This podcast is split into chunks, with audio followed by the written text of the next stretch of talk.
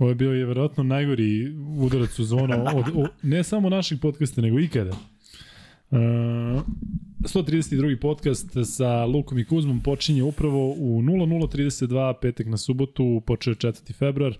A mi smo Kuzma stavili danas, to je ti si stavio naslov petak 12. ili 12. zbog? Pa nije danas 12. Nije. Zbog 12. pobede Partizana, čime se popeo na sedmo mesto. Prepoznao si to, osetio si na. Nisi stavio da, znak pitanja. Da, da. Pa zašto sam pisao posle utakmice? A što se ne kladiš Kuzma, recimo, ili javiš meni tako te neke dojave? Ti sve nešto što, ono... Znaš, igram na emociju, ono... znaš. A, ne umiriš ja, ovo pot. kad Minnesota, ovo Minnesota kad igra, ja sve na emociju. Igra ti večeras Minnesota da znaš, tako da ćemo ne, ne moram to... ni da gledam, već znam šta će biti. Znaš šta je plan? Da recimo pričamo jedno 15 minuta o Partizanu i onda jedno sat i po o Minnesota i Zgodno. da izdelimo tri free beta da svi budu Ekaterina Velika ili Minnesota i da se razilazimo. Šalu na stranu, E, velika, velika pobjeda Partizana, verovatno najveća ove sezone i što se tiče igre i što se tiče mo momenta i što se tiče svega. Zaista nešto što ja mislim da je najbolja stvar koja se desila Partizanu u poslednjih 10 godina. Da eto, sada je na, na toj sedmoj poziciji, čini mi se, koja naravno vodi u play-off u jednom ozbiljnom zamahu. E, pobedili su ozbiljnu ekipu, e, pričat ćemo o Žalgirisu, Iznećemo i neko naše mišljenje, ali eto za početak da samo najavimo da ćemo danas e, odraditi naravno odjavu te utakmice, e, podeliti sa vama utiske, pričat ćemo i naravno igračima pojedinačno, potom ćemo proći naravno i evroligaške mečeve koji su odigrani danas, Najavit ćemo ABA ligu koja se igra do našeg narodnog podcasta u ponedeljak i pričat ćemo o NBA ligi gde se svašta dešava bukvalno u ovom trenutku. Videli ste da je taj Kyrie Irving zatražio trade i vidjet ćemo šta Kuzma misli o tome, pošto pretpostavljam da ni o čemu drugom ne razmišlja trenutno. Znam, znam da je zatražio. I? Pa imam ja svoju teoriju. Ali to je za kraj. Za kraj današnjeg podcasta ili za kraj... Za kraj godine, za kraj današnjeg Za kraj podcasta. podcasta generalno. Generalno, svih podcasta. Kad budemo podcast završavali, oni Ja ću otkriti šta, je, šta sam mislio u tom trenutku. Kuzmo, ćemo da obećamo ljudima da neće, da će ovaj podcast da traje zauvek. Smiješ to da uradiš, ne smiješ? Kako da ne smem? Ili ćemo sad, evo, u ovom trenutku nemoj da kažemo. Sad, nemoj sad. Evo, ja ću, ćeš ja da obećam. Pa sve Nemoj, treba... ti svašta nešto obećaš. Pa ne, pazi, ja ću uskoro morati da budem ćelav, zato što Denver... to, kreni odatle. Kreni odatle. Ja ću uskoro morati da budem ćelav. Svi profesori srpskog ili iko ko, ko, ko priča o jezik normalno. Prevrći očima da ste predavali. Da se vata za glavu. Ne hvata, nego vata. Kao vatanje u kolcu. E, znaš šta je vatanje u kolcu? Ti uvati, ti privati. Bože, ko je ono smislio? Ono je, ono je najveći car na svetu. Da, najveći car na svetu. Repa. Това те кара конч. Не, али има някакви Светозар. Не, не, не, не, не Крекер Светозар. Той е Крекер Светозар. Алвата мене и Косо. Вата мене и Ватага. Не, алвата мене и Гоцо. Гоцо, Гоцо. Да, имаше и това. Вата мене и Ватага. Айвар? Ovo je verovatno nešto najlepše što se ikada ikome desilo. Znači, to kad pustiš, menja ti se život na bolje. Na YouTube-u da na YouTube se valjda zvao i zove... Gidra, meksički važno, gidra. Meksički gidra, da, meksički da. gidra, tako je. Da, nešto mislim da su menjali, da neko ih je vjerojatno strajkovao zato što se gidra pobunio pa su nešto menjali. Ja ranije imalo milione pregleda, sad više nema milione pregleda, hoću to da gledam. Jasno. A samo ja gledam 10 puta dnevno. Marko Peković i ja smo se vraćali iz Beča u kolima i to smo gledali. I morali smo parkirom. Prvi put kad si da. Da. Pa ne, Morali smo parkiramo da stanemo na, na, na autoputu da, da nastavimo da se smejemo jer nije, nije bilo moguće voziti. Uh, ali bio, bila je ona indijska verzija, ona Znaš, oni, oni, oni se ne znaju, oni stvarno nešto... Benny Lava. Ne znam. Znaš Benny Lava? Ne. Benny Lava ne znaš. Znaš ti mači Benny Lava? S, s kim radim ja. Ko, daj pol, ko zna Benny Lava šta je? Uh, ne, odlično, je, ne, ne, baš je dobro. Sa nekim prevodom. Isto je, isto, šta? Ne, neću pop da, da, da, ovde, da, da ovih, ovih hiljadu ljudi u live-u bude za hiljadu manje. E, dobro, hoćemo početi sa posledesticom. Hoćemo, zaista ovaj, odlažemo da počnemo da pričamo o Partizan, Partizanu i Žalgirisu, zato što kad krenemo, nećemo stati, ima da se priča svašta. Jel imamo pre toga, Kuzmeš, nešto da pozdravimo sve koji doniraju na sve različite načine, da vam kažemo da će uskoro biti taj naš sajt, da se sprema puno iznenađenja, mada to smo vam rekli u 42. podcastu, pa se ništa nije pomaklo od tada. Ali Ima danas, dobro. danas smo imali sastanak i te stvari idu svojim tokom.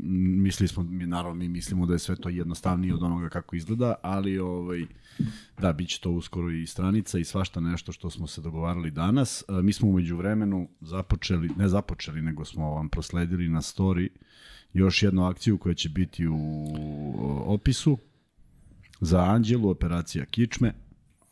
Ovaj, tako da to ćemo sada da ubacimo na, na opis ovaj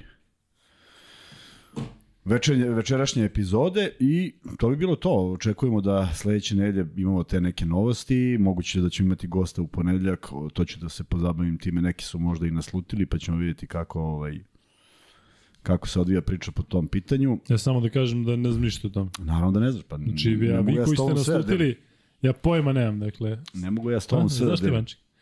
Ja sve go, predloge koje sam dao za goste, ništa se nije ostvarilo. Znači, hteo sam da budu gosti tipa ono, Jordan, Dončić, e, Jokić, Kuzma, kao, ne, znaš, moramo da ne znam šta, daj da zovemo Lazića. Dobro. Dobro, može šala, nemam ja problem s tim. Nemam problem s tim. sad, će, sad, sad, sam ga, ne, sad, će, sad smo gotovi. Ne, Nemoj danas, sa jesi ti sam danas radio i baš si prokomentarisao nečiji učinak koji je potpuno kriminalan, a to je igrač koji igra u Asvelu, jesi prokomentarisao da ima indeks minus 3. Obason? Mhm. Da, jes. Ali Obason, kakav je igrač, je li tako? Ne, ali mnogo velika razlika. Obason nikada nije igrao Euroligu, ovo mu je 11. utakmica u Euroligi, imaš Lazića koji ima 10 sezona u Ne, Euroligi nemam- nemam i, i naš. Nemam snage da Ne, ne, ali temu. sad bez zezanja, otvaramo temu i krećemo u Euroligi. E, Prvo da kažem da se zahvalim Stefanu koji donira i kaže Luka Kraljina, ovo je da častiš naše Kuzmu za triumf od noćes. Mala šala, kapa dole obojci za sve posebne note koje dajete košaci. Hvala ti puno. Vaši komentari su nešto što nas održava U U životu. životu, pa da. Ali bez zezanja, evo radimo peti podcast za redom, peta noć za redom. E, Kuzme danas imao milion akcija, ja sam imao između ostalog i dva meča Euroligije i evo nas ovde puni energije, našli smo se Možda malo ne izgleda ranije. tako. Šta možda, Možda ne izgleda tako. Da, ali ovaj, ma de ne izgleda, vi kako smo otvorili ovde, pričamo o vatanju u kolcu. E, ali našli smo se malo ranije, pričali opet o nekim idejama, dakle, mm, zaista je super, evo ja vam opet kažem, e, ja, mene ovo ozbiljno radi, ova, ova akcija, interakcija sa svima vama, dakle, toliko znači, toliko pozitivno utiče u celoj ovoj situaciji. Vidite šta se sve dešava. Dakle, nema, nema ničega pozitivnog, ja mislim, osim ovog podcasta, ali znate, ozbiljno govorim. E, kada uđeš recimo na bilo koji sajt, to su sve ili crne hronike ili su neke muke političkog tipa um, je ova, ma bre, kažem ti da ne pričam, ratovi, ali, korone, čuda, muda, poskupljenja, dakle to je nešto što nas okružuje i onda je ovo kao neka ono uh, safe house za sve nas gde smo super i gde nam ništa od toga s polja ne može ništa. Znam, ali mislim, tako smo i koncipirali sve ovo i tako smo krenuli ti i ja i dobili veliki broj istomišljenika. Međutim, ovaj, e, postoje, postoje i tu kod nas postoje ljudi kojima je valjda to način života i valjda su pod takvim uticajem da ne mogu da izdrže pa i ovde da ne pišu. Meni se danas javljaju ljudi i žalim mi za neke stvari koje su napisane. Ja srećom to ne gledam ni posle, a ti verovatno me poštediš svega što piše, ali Uh, ja i dalje šaljem poruku da ako neko može da uživa uz ovo, da je to divno, ako ne može, toliko ima dobrih stvari koje mogu se rade u jedan noću, da ja mogu napravim čitavu listu. Tako da ovaj, ne, ne, oni koji žele da pokvare, neće pokvariti. To je ono što je Ma cela jo, poenta. nije, ali znaš šta, ja čak i te ljude razumem, dakle oni imaju neku muku da ovde jednostavno se istresaju. Imaš način znaš, kako se istreseš, ali kad mi neko piše na moj profil, to ne može da bude istresanje. Jasno mi je, da, pa ne i ovde je bez veze kad izađe tako, Tako. neka, ne, ne, Ali, neka... kažem, neće pokvariti ceo taj naš Neće. ovaj, koncept, nećemo se uplesti u to, nećemo pričati o nekim stvarima. Neko mi je skoro napisao, jel, jel ne smete ili nećete? Ja kažem, nećemo. O čemu? Pa nećemo da pričamo. On kaže, pošteno. pa naravno, prosto nećemo da otvaramo neku temu, jer bi takvih tema bilo toliko, da bi se mi ubacili u taj mulj i pričali samo o tom. Ne, e, ja čak i razumem ljude koji smatraju da mi sad treba da pričamo o nekome, ali kada neko sada ono ne smete ili ne, znaš, ne, ne, ne razumem Ne zašto shvataju ne da smete. je stvar izbora da nećemo nešto da radimo. Da, dakle mi ovde, ja možda po prvi put u životu imam tu slobodu da, da zaista mogu da kažem šta god hoću. Sećate se onoga sa maramicama, sećate se milion nekih stvari o Denveru koje su ono polukomične, ali Jednostavno ovo je naše, moje Kuzmino, u porodici smo Infinity Lighthouse gde ja mislim da bi podržali nas dvojicu da se sad ovde goli skinemo, vjerojatno bi trebali da objasnimo što smo tu radili, ali ovaj, zaista nemamo, nemamo ni jedan razlog da se suzdržavamo za bilo šta, nego jednostavno hoćemo da radimo onako kako volimo, onako kako mislimo da treba i da sve ide u pozitivnom smeru. Što je jako teško sa svim ovim um, gadostima koje se dešavaju svakodnevno pa i u košaci, ali generalno nije da nećemo da pomenemo nešto, nego jednostavno I biramo da nečemu pričamo i nečemu da ne pričamo. I u krajnjem slučaju, koliko smo gostiju imali nijedna škakljiva tema, iako sećaš se, nijedan naš gost nije rekao ne možete nešto opiti. Tako A uvek postoji nešto što znaš da može da, da, da, da pokvari te, ceo taj utisak i prosto na tu temu iz nekog vaspitanja ovaj, ne pričamo. I s druge strane, ja znaš, kad, kad, kad, kad tako dobijem neku poruku, ja stvarno zamislim da li je to neki 25-godišnjak čiji roditelji su moje godište i da li bi oni bili ponosni, na primjer, to što je on napisao. Ma da li je moguće da se toliko uopšte unosiš u sve to? Ma bre, ne unosi se. Pa što ispričaš priču kad si upoznao mog ćaleta? Koliko si bio zbunjen zapravo? Da, da, da. Da, Vanja, Vanja kaže Kuzmi da ispriča priču kada je upoznao Vanjinu Da, da, ja idem prema pioniru i čovjek na semaforu. I okreće se i kaže, dobro, samo da vam se javim. Ja kažem, dobro, okej. Nešto ja, da li sam pitao, gledate post, kaže, ne, kaže, ja sam Vanjin tata. Ja sad razmišljam, da li neki Kostin drug, Vanja, da li neki Koljin, znaš, ja potpuno zbunjen, kažem, kog Vanj? Pa kaže, Vanja je iz studija. I ja prosto shvatim da je čovjek moje godište. Koliko ima Ćale godina? 71. pa da. E, to je. I sad, znaš, e, ja ti ovo pričam, ti me odmah pitaš, a ne znam zašto me pitaš, da li me pogađa? Ne pogađa me, nego kažem ti šta sam pročitao. I razmišljam, razmišljam kao o fenomenu. Zamišljam sebe sa 20 godina, pišem nekome ko ima 52 i napišem majmune 1, kako si, ne znam šta, i, i neke budalaštine. I to mi je apsolutno porazno da živimo u takvom sistemu i da je ovo do, omogućilo da se neko tako ponaša. Tako da više je fenomenski pričam o tome kao fenomen nego kao nešto što ja sad patim pa ne mogu da spam. E, poenta je, neće to poremetiti ni naš rad, niti ćemo mi odustati od nekih ideja, niti meni, meni je drago kad neko napiše da mu smete i da se nervira. Ali nema razloga. Zaista nema razloga. Ne, ali znaš šta, mislim da apsolutno ovo sada koje je toliko uzelo maha i toliko se raširilo i sad ima, eto, ajde crno na belo, ima ovde 16.000 pratilaca, ima 1700 ljudi u live-u, bit će 20-30.000 sigurno pregleda ovog snimka. Na tom uzorku moraš da imaš bar 10% i nervoznih i zaista ljudi koji koji misle misle drugačije. Sve a, je to a, dozvoljeno. I ima samo način, način komunikacije. Ali, ne kažem ja da te pogađa, ali samim tim što čitaš to i unosiš se u to, mislim da, da i uopšte razmišljaš Ne, o tome. naprotiv, naprotiv, ja ti objašnjam, ne čitam komentare. Ovo je meni poslato. Dobro, ali... To je e, razlika, sti, znači neko je našao moj broj telefona. Ej, poruku sam. Aha, tvoj broj telefona, ja sam mislio na onaj Instagram. ima ga, ja ga ne krijem, imam ga negde, možda ga nađeš. Stoje na tabli neko. Da, negde piše. Ali, znaš, potpuno, potpuno onako neobjašnjivo. No, nije važno, ajde da se ne želimo nešto Ali pretarano. da ti kažem samo da ne kažem da smo mi ovde neki mesi ili bilo šta, ali barem znam u tvoju i moju nameru što se ovoga tiče da je to zaista najčistije Tako je, moguće. pa to je cela Imamo priča. različite Pa- mišljenje što se tiče mnogo stvari i, i ja i ti u odnosu na neke ljudi koji nas prate, ali znaš da sam shvatio da, da apsolutno nije moguće, nikada nije moguće, ali da nije moguće da imaš e, podršku svih i da ćeš sad šta god da radiš, da si stvarno svetac, ti ćeš imati jedno 15% koji kažu aha, ipak si plaćen. bez Bio je, ne znam da li znaš, bio je, verovatno ne znaš, ovo, su moji neki... Jok, ne znam. Znaš ko je Frav Jeko Ćurić? Kako ne znam, čoče. Ali treba- trebalo bi, mislio sam čak na moment da znaš. Frav Jeko Ćurić je bio gospodin ovde iz regiona, mislim da negde iz Visokog, koji je 80. godina, ako se ne varam, otišao u Ruandu i tamo je uh, radio, dakle, uh, svešteno lice, tamo je pokušavao da, da radi humanitarne sve poslove koje može da radi. Međutim, verovatno znate za, za pretpostavljam da neki od vas znaju, za tu zbrku koja se desila u Ruandi na relaciji ta dva plemena Hutua i Tucija i sve je to proizvalo jedan od najvećih genocida ikada gde je nekih milion ljudi ubijeno, a većina njih je ubijeno mačetom. E, taj Fravi Jako Ćurić je jedini, ja mislim, koji je pokušavao da tu objasni ljudima da ne treba da se ubijaju, posebno ne tako. I apsolutno sve što je radio, je radio samo pozitivno spasavao neke klince, spasio na stotine neke dece po nekim uh, hangarima, skrovištima, gde god. I na tog čoveka je izvršeno osam atentata.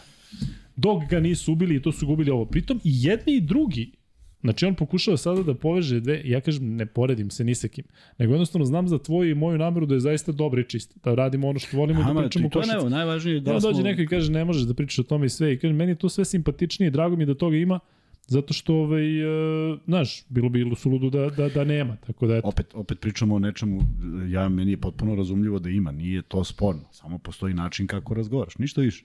I sve je to okay, i neko, neko misli drugačije i, i ja to podržavam i svakako se ovde obrati kulturno fino i odgovaram i komuniciramo, ima mnogo divnih ljudi, tako da, ali svaki put, svaki podcast dođe novih 5, 6, 7, 8, 10, 5, 6, 7, 8 nekih novih imena i to je divno i to su sve ljudi koji kažu da uživaju u ovome što radimo. Ajmo Ja, dalje. Bojan Markov je donirao i kaže, Deste kraljevi, samo da znate da ja vas gledam uživo iz Šrilanke, sada je ovde 5 sati ujutru, ali genijalno. basket mora da se gleda, pozdrav Ivanji, e, pozdrav za Šrilanku, piše iz kog si grada, iz kog si kraja, da, da vidimo gde smo.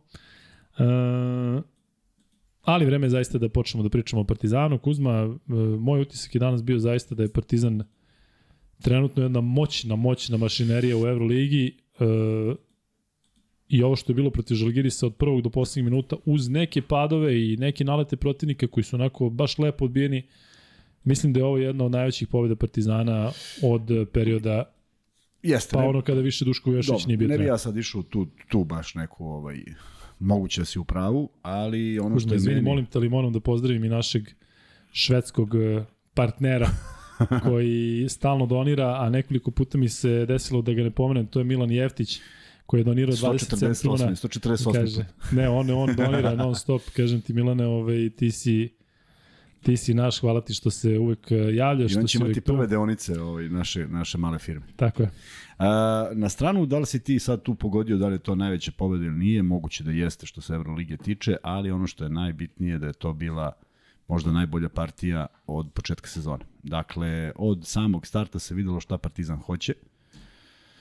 A, očekivao sam onaj udarac koji, je, koji su pokušali igrači Žalgirisa na početku drugog polovremena, jer konstatovali smo da oni nikad ne odustaju i delovalo u onom trenutku, međutim, ponovo su uradili onu pravu stvar, odbili to sve i izuzetno smireno igrali u tom periodu, bez obzira što je tu bilo nekih mm, sudijskih odluka koje su ubacile Lesora u problem, pre, pre svega. Dakle, njegova izmena nije bila planirana, a na terenu su se odbranili i ne samo odbranili, nego poveli i vrlo brzo otišli na jednu izuzetno visoku razliku za a, pojmove gostovanja, dakle imati suđe, imati su imati rezultat na gostovanju takav je prosto fenomenalno, a potpuno zasluženo. Igralo se racionalno, svi su učestvovali u igri i svako je tražio dobru poziciju. Lopta je išla, odbrana je ponovo bila izuzetna prema tome. Uh, najkompletnija igra i evo, sad vraćamo ono kad mi pričamo o nekim igračima Zvezde u prethodnom periodu, pa koji su se čekali, je, dočekao se jedan Papa Petru koji je odigrao Jeste. i izuzetno stabilan meč. Pa i Smajlagić je neko ko, ko Govorim, je da, odigrao ali on najbolje ima, u on Euroligi. ima povredu i nije, nije pod pritiskom javnosti da je došao kao stranac. Da. Dakle, to je razlika. A ovde je sad napokon sve leglo i ajde da vidimo da li je Papa Petru u tom ritmu i dalje, bilo bi divno zato što sa, sa, ovakvom, sa ovakvom odbranom i sa ovakvim rezonskim napadom Partizan zaista izgleda moćno, bez obzira što je gostovao, bez obzira što je igrao protiv ekipe koja je, čak video si na, na onih 20, 18, 19 razlike, oni udvajaju, kradu loptu, daju koš, dakle, apsolutno ne odustaju dok ne čuju sirenu, međutim bili su nemoćni, na stranu što su imali, što oni imaju svoje personalne neke probleme, ne može to da bude nikakav, nikakav razlog, jer je ovo bila izuzetna partija ovaj, Partizana sa svakog aspekta, a, od prvog do poslednjeg igrača u, u, u rešenjima, u požutvovanosti, u činjenici da eto ono što mi upalo u oko, a, a verujem da svi koji su pažljivo pratili utakmicu, četvrti faul u prvoj četvrtini naneli pravi na zemlji par, par desetina sekundi do kraja četvrtine. Dakle, o tome pričamo, koliko su bitni ti ti momenti i tek onda je Trifunović napravio faul uh, kada je kada je bio prodor Lekavičusa. Tako da uh, sve ono što je zamislio Obradović je prolazilo, a uh, defanzivno izgledalo izuzetno dobro, iako je ovo ekipa s kojom nije lako igrati s obzirom da su jako čvrsti, a naročito ubaciti im toliko poena na domaćem terenu. Ne, nije se to dešavalo baš pretrano često. Omar Gabriel Batistuta donira i kaže samo pozitivno momci, mi smo ovde Tako jer je. nas sve spaja ono što najviše volimo, to je košarka. Sve je. najbolje vam želim, pozdrav iz Zemuna, od mene za piće da se početite i napred u nove pobede. Hvala puno Batistuta. Dobar, Dobar si, dobar si reklamama, da, da, ovaj, mada mogu si bolji, kažu ovi da malo onako kao to delo veštački, da. Da, kao da nisam Ali vladao dobro su jezik. fore, eto, zanimljivo. Zanimljiva kombinacija ljudi iz različitih sfera. Um, ali Kuzma, ja bih se vratio na utakmicu protiv Crvene zvezde, zato što iz mog ugla to je zaista nešto što je bila prekretnica u sezoni Partizana. Ja moram priznati da sam bio prilično siguran da će Partizan dobiti taj meč, zato što sam se vodio onim o čemu su i treneri pričali ranije i, i dok sam igrao, a i danas to nekako prolazi da jedna ekipa kada su timovi i slično kvaliteta jednostavno jako teško može da dobije tri utakmice za redom. Zvezda je pobedila Partizan u ABA ligi, pa je Zvezda pobedila Partizan u Euroligi i Zvezda je, ajde da kažem, nekako se možda ispucala i Partizan je dobio taj meč i od tada Partizan zaista deluje kao jedna kompaktna ce- celina. Ja samo gledam ta selekcija faulova. Dakle, to je svaki faul smislen, dakle, to se tačno Koliko zna, to drugačije onda nema. izgleda. Tako. Tako je, ali to se sve naravno desilo zato što ne igra Yamadar. Šalim se naravno. ali um, jednostavno Partizan stvarno melje. E sada mi reci, e, imali smo taj nalet Crvene zvezde, baš u tom periodu je Partizan igrao nešto slabije. E, kako održati sada ovo što se što deluje, ne mogu da kažem perfektno, ali deluje zaista kao jedan jedan onako uh, moćni, moćni tim. Pa prvo, prvo uradiš sledeće, uđeš u slučionicu, kako ja zamišljam da je ušao Bradović i bez ikakve euforije saopštio da su odigrali dobru utakmicu, da je ovo tek neka u nizu, da ih čeka još veliki broj utakmica, da nema euforije, da očekuje, ne kažem trening sutra pošto su u Kaunasu, ali da očekuje ozbiljnost, da sledi utakmica u ABA ligi, da ovo treba da se ponovi, da su oni samo dobri ako ponove ovo, a ne ako bude jedan bljesak i tako dalje i tako dalje. I e, moraju da razumeju da ovim ništa nije završeno, nego ili tek počinje i neka traje koliko god koliko god može. E, ako, ako ja, ja verujem da on tako rezonuje iz prostog razloga što mi nikad nije delovao kao neko koji je u ovakvim momentima u sezoni pravio euforiju oko svega toga. Mislim da mu je laknulo što su neke stvari legle, možda su možda se čekalo toliko iz hiljadu razloga, ali ako je ovo moment koji je koji se čekao, onda je pravi, zato što je borba za play-off uh, u punom jeku. Um, ne znam šta da očekujemo do kraja uh, regularnog dela iz prostog razloga što će sigurno biti još neki turbulencija, ništa ne može da ide tek tako, ali preduslov da Partizan nastavi to je ista, ista, isti ovakav pristup, sa istim ovakvim fokusom, sa jednom a, odličnom energijom i ono što se meni lično dopada to je ako se neko slaže ili ne slaže potpuno svejedno, mislim da su potpuno drugačiji u odbrani nego pre pet utakmica pa unazad. Prema tome, sve se korigovalo, sve se is, nekako ispravilo, sve je leglo, dobro se pozicioniraju, Kad kažeš odbrana, znaš ti konkretno misliš? Dakle, Pa govorimo nekim jača je individualna odbrana, jača je individualna odbrana. tako? nema Ta odbrana koju do ti pričaš jedan tako na je, jedan, tako ali- je. Vodi Znaš- se računa, ispada se iz nekih rotacija. Kada se preuzima, preuzme se agresivno. Nije preuzeti samo da ti, nego mora preuzmeš nekako da, da staviš do znanja da tu nema prolaska.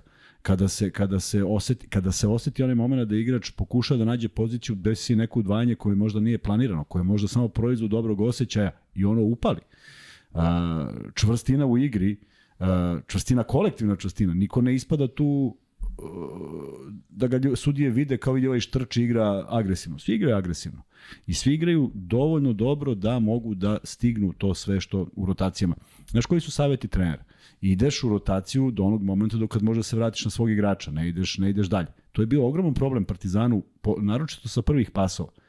Nebrojeno puta je prodor, okrene se igrač da isprati igrača koji prodire, prima loptu, čovjek na istoj strani i šutira i daje koš. To je sve ređe, jer su malo, ono što sam pričao za Olivera Popovića, malo naučili kako da u prelaze iz tačke A na tačku, u tačku B u, u najmanjem broju koraka. Tako da, zaista je Partizan izgledao impresivno na ovoj utakmici. E, Žalgiris je probao sve što je u njihovoj moći u tom trenutku. Prosto nisu imali rešenje i put do koša. To što su uspeli da se spuste, naravno da je euforija krenula i bili su zaista blizu, ali su i onda i oni malo brzopleto hteli da da prelome, međutim opet bez nekog bez neke euforije na terenu jednostavno sve su kontrolisali i uh, nastavili 40 minuta. Zato mislim da je najkvalitetnija utakmica kada se pogledaju svi ti neki košarkaški parametri bitni, pa čak i oni košarkaški parametri koje vide samo treneri i malo košarkaški obrazovaniji ljudi, tako da nema zamerki na ovo. E, ono, ono što mi je utisak, ono što mi je utisak i to bi volio da čujemo naše, naše gledalce, naročito navijače Partizana, šta misle o suđenju. Dakle, ovo je bila jedna utakmica gde, ako zanemarimo, da me sad neko ne shvati pogrešno, da li je moglo da se svira kad Smajlagić pada, kada ga izbacuje dupetom, kako zove ovaj, Šmic, ja sad kažem, ponavljam, pričamo o suđenju kada si u gostima.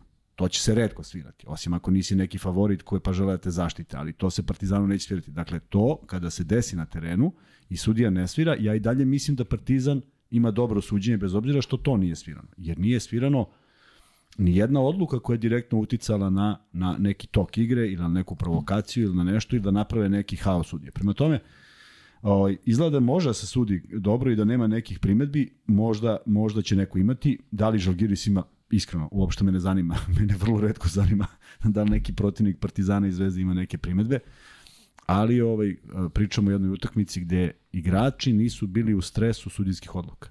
Jedino što je bilo problematično, to je tih dva lesorova faula u nizu, ali nisu, nisu bile pogubne po Partizan, tako da eto, ako možemo nešto na tu temu ovaj, da, da, da kažemo što se suđenja tiče, pošto ćemo posle kad završimo s Partizanom imati mnogo toga da pričamo paradoksa koji su se desili na današnjim utakmicama. Da, kad budemo išli u Neki su da. poprilično nečuveni, tako da zato mislim da je Partizan dobro prošao, što je, što je, što je e, još jedna vrlo bitna stvar, i Zvezda i Partizan, tu ne pravim razliku. Ne dozvoljava Željko Obradović da se priča sa sudijama, to, to 100%. Ne dozvoljava, ne dozvoljava ni Duško Ivanović. Ko treba da dobije tehničku, treba da dobije trener, ne igrač. I to je neka stara škola ovde, otprilike uvijek si bio nekako na stubu srama kad dobiješ tehničku, zato što trener treba da vrši taj pritisak. Nisi dobio nijednu tehničku karijeri, nisi? Jesam jednu. A to je nešto bilo... To, sudije koji je, e, sudije meč koji sam ja prenosio. Dve, dve, dve, dve, nije. Ali jedan koji sam ja prenosio danas Asvel, je ti je taj svirao? Nije. Zašto se meni učinilo da si možda pomenuo da je on? Nije, nije. Ili bio neki problem sa njim? Ne, ko je, ko je radio Asvel? Jovičić. A, hteo je, on je hteo. A, on je hteo, on pa, nije, on tim nije, on sve. nije, nije Jovčić. On je, on je rekao da će mi dati tehničku, ali nije, pošto Ali sam... zašto? Pa, igrali Dobra smo, igrali, da, dobra priča. Igrali smo protiv budućnosti, BFC budućnost i stvarno je, ovaj, e, ne, mogu, ne želim da prepričam šta je bilo u drugoj utakmici. Vodili smo 1-0 i izgubili smo pola koša. to ću jednom prilikom ispričati. Pola koša smo izgubili drugu utakmicu. I sada dolazi na treću koja je sutradan, najbolji sudijski par koji imamo tada. Belošević i Jočić. I sedimo u slačionici i pričamo i kažemo, ljudi, ili su došli da nas razvale u smislu da nam dunu nas trojica, četvorica po tri faula i da ne možemo da igramo, ili će da sude ovaj, korektno. Pustit će pa ko bude bio bolji. I na pet minuta do kraja uzima Triđa timeout, a nas Trivan vodi, uzima timeout, pet razlike za budućnost i lopta za budućnost. I mi na timeoutu, znaš kad ne pričaš ništa smisleno, ali samo kažemo, ej, sad ne mogu da daju koš. I odigramo odbranu da je u 28. sekundi lopta stigla do Šćepanovića na 8 metara od koša i ja pored njega. I znam da sam brži od njega. I on može samo da šutne. Preko mene što, ok, sa 8 metara u to vreme redko ko je šutirao. I u tom trenutku, u tom 1 na 1, upada rol na toalet papira. I preko celog terena skakuće. I Jočić zaustavi igru. I pokaže nov napad. I ja priđem i kažem, majstore, ali ako upada ovako rol na toalet papira narednih 5 minuta, oni mogu da budu i 5 minuta u napadu. On kaže, mnogo si bezobrazan, dobit ćeš tehničku. Ja ga pitam, zašta? Valjda mora staviš makar neki nešto šta ti je rekao, a ja nisam psovao. Ali samo mi reci zašto. On kaže, skloni se. I tu završiš priču jer nema argument, ne postoji ništa. Zato što je na minut do kraja isto uletela konzerva Coca-Cola koja se prolila, ali nije bio nov napad. Znaš što, zašto nije bio nov napad? Zašto je bilo 7 razlike i nije bilo više mogućnosti da se bilo šta promeni. Tako da, ovaj, nije mi on dao tehničku, ali eto bio je blizu. Dejan Vasković kaže, during the war, Kuzma. Kao Uncle Albert. E, kako ono, odveć sam star da bih ti rekao, ali Da, sećam se onih priča još pre tog perioda iz, od drugog svetskog rata. Uh, šalu na stranu, ovaj, vrlo je bitno da igrači ne reaguju, vrlo je bitno da treneri to urade. Ja, na primjer, mislim da Željko Bradović danas nije imao takav izazov. Zaista. Mislim da je u jednom trenutku nije došao u bilo kakvu raspravu sa sudijama oko stvari koje su svirane. Da, ali ima veze i sa tim što je Partizan zaista igrao fenomenalno da ni to nije moglo da ih poremeti. Protiv Tako je. Asvela, sećaš Tako se, je. isto je bilo nekoliko, pa se Željko nasmejal na 18 razlike, to nije nešto što Tako možda je, ti odluči, Tako možda je, malo, tako je. malo ovde, vrati unazad ovde jedan se posle. nije desilo ništa da te, da te, da te uh, odvrati sa, sa nekog puta. Tako je, ideš. ali mislim da je Partizan ovde onako nametnuo svoj ritam od starta i da nije ništa moglo to da poremeti. sve stoji. Publika, sudije, Žalgiris, pritom, ajde ovaj, da kažem nešto što sada sigurno među grobarima neće biti popularno e, i može pogrešno da se shvati, ali ja stvarno mislim da je Žalgiris precenjena ekipa. I da smo mi svi ovde od Žalgirisa napravili neki mit koji tamo kad odeš, to ne znam šta, oni imaju dobru atmosferu i svakim čast. Ali ti kad pogledaš ovaj roster, Pa čak i taj Kina Nevans koji je bio možda peti ili šesti igrač u rotaciji Makabija prošle godine i sad jednom došao i igra dobro, pa se povredio. Pa je došao kao Polonara, Polonara koji se nije snašao u, u Odlično Efesu. odigrao i danas. Da, ali pazi, ti imaš, imaš uh, igrače koji, taj Ulanovas, mi smo njega napravili, evo to Ulanovas. Nismo mi, nije, nije, nismo mi napravili. A- A... Mi smo pričali da će Žalgiris jedva da bude sa četiri pobjede. To smo ti i ja pričali od prilike da će imati najmanje pobjede. Ne, da, rekli smo da će biti na Međutim, kompaktnost te ekipe uvek zanemariš da postoji to nešto što kod njih postoji kao taj ponos nacionalni i tako dalje i tako dalje. Igraju izvan svojih mogućnosti. I oni su ušli u jednu ozbiljnu seriju. I ta serija je stvorila ne famu, nego je stvorila da su stvarno dobri. Pogledaj im rezultate kod kuće. Oni su do ove utakmice bili treća ekipa sa uh, skorom kod kuće. Jeste, ali video si, evo znam da gledaš ove meče koje ja komentarišem, ti si video koliko ima kanta ekipa u Euroligi, barem u nekom momentu, dakle koji je jednostavno igraju loše. Mislim da se njima namestilo dosta toga dobro. Sve stoji. Dakle, Zvezda njih pobedila u, u Beogradu, a Zvezda nije tada igrala neku vrhunsku Ja utakmicu. mislim da je igrala bolje, bolje u Kaunasu. Da, ali u Kaunasu je trebao taj meč da se dobije. A trebalo je taj meč da se dobije. A Partizan je pobedio taj Žalgiris 11 pojena razlike. Sada mi pogledamo tabelu i vidimo da oni imaju, ne znam, nešto 12, Dobro, 9. pa dobro. Ali kad pogledaš taj tim, uh, imaš igrače koji uh, jednostavno su u sistemu i tu igraju dobro. Tako dakle, ima takvih Tako igrača i u Zvezdi i u Partizanu više u Zvezdi koji jednostavno mislim da se ne bi možda snašli na nekim drugim mečima, ovde zaista verovatno. deluju kao tim. Upravo to, to Ali- su stvorili. Jeste, ali taj Ulanovas je bio u Fenerbahču, vratio se posle prve sezone. Ne može svako da se nađe u nekoj novoj seriji. Lekavičius je došao u Panathinaikos, vratio se uh, vamo. Taj Jan Kunas koji je bio zvezda, zvezda Žalgirisa ikada, on je otišao jednu sezonu u Himki, ništa nije uradio pa se vratio. Dakle, oni jednostavno ovde imaju neku komfornu Pa kuću bez pritiska. Dakle, oni imaju, navija, uh, imaju zaista veliku podršku navijača, ali prošle sezone kada je bio Zdovac, oni su bili najgori tim u ligi, oni su i dalje imali veliku podršku. Ja mislim da njima niko ne iznosi nešto, ne, znaš. podrška će uvek biti. Oni da su poslednji, oni bi imali podršku. Nije to sporno, nego je samo činjenica da su napravili dobar tim. Dobar tim sa imenima koje su mogli sebi da priušte, nisu dobili neka prezvučna pojačanja, verovatno imaju nekakav ograničen budžet i sve to. Ali su uspeli timskom igrom da dođu do ovog momenta. Šta je tome pred, prethodilo? Potpuno nevažno, nego nije stvorena fama, stvorena je samo, ne stvorena, postoji jedna činjenica, a to je da su oni izuzetno tvrda ekipa koja se ne predaje.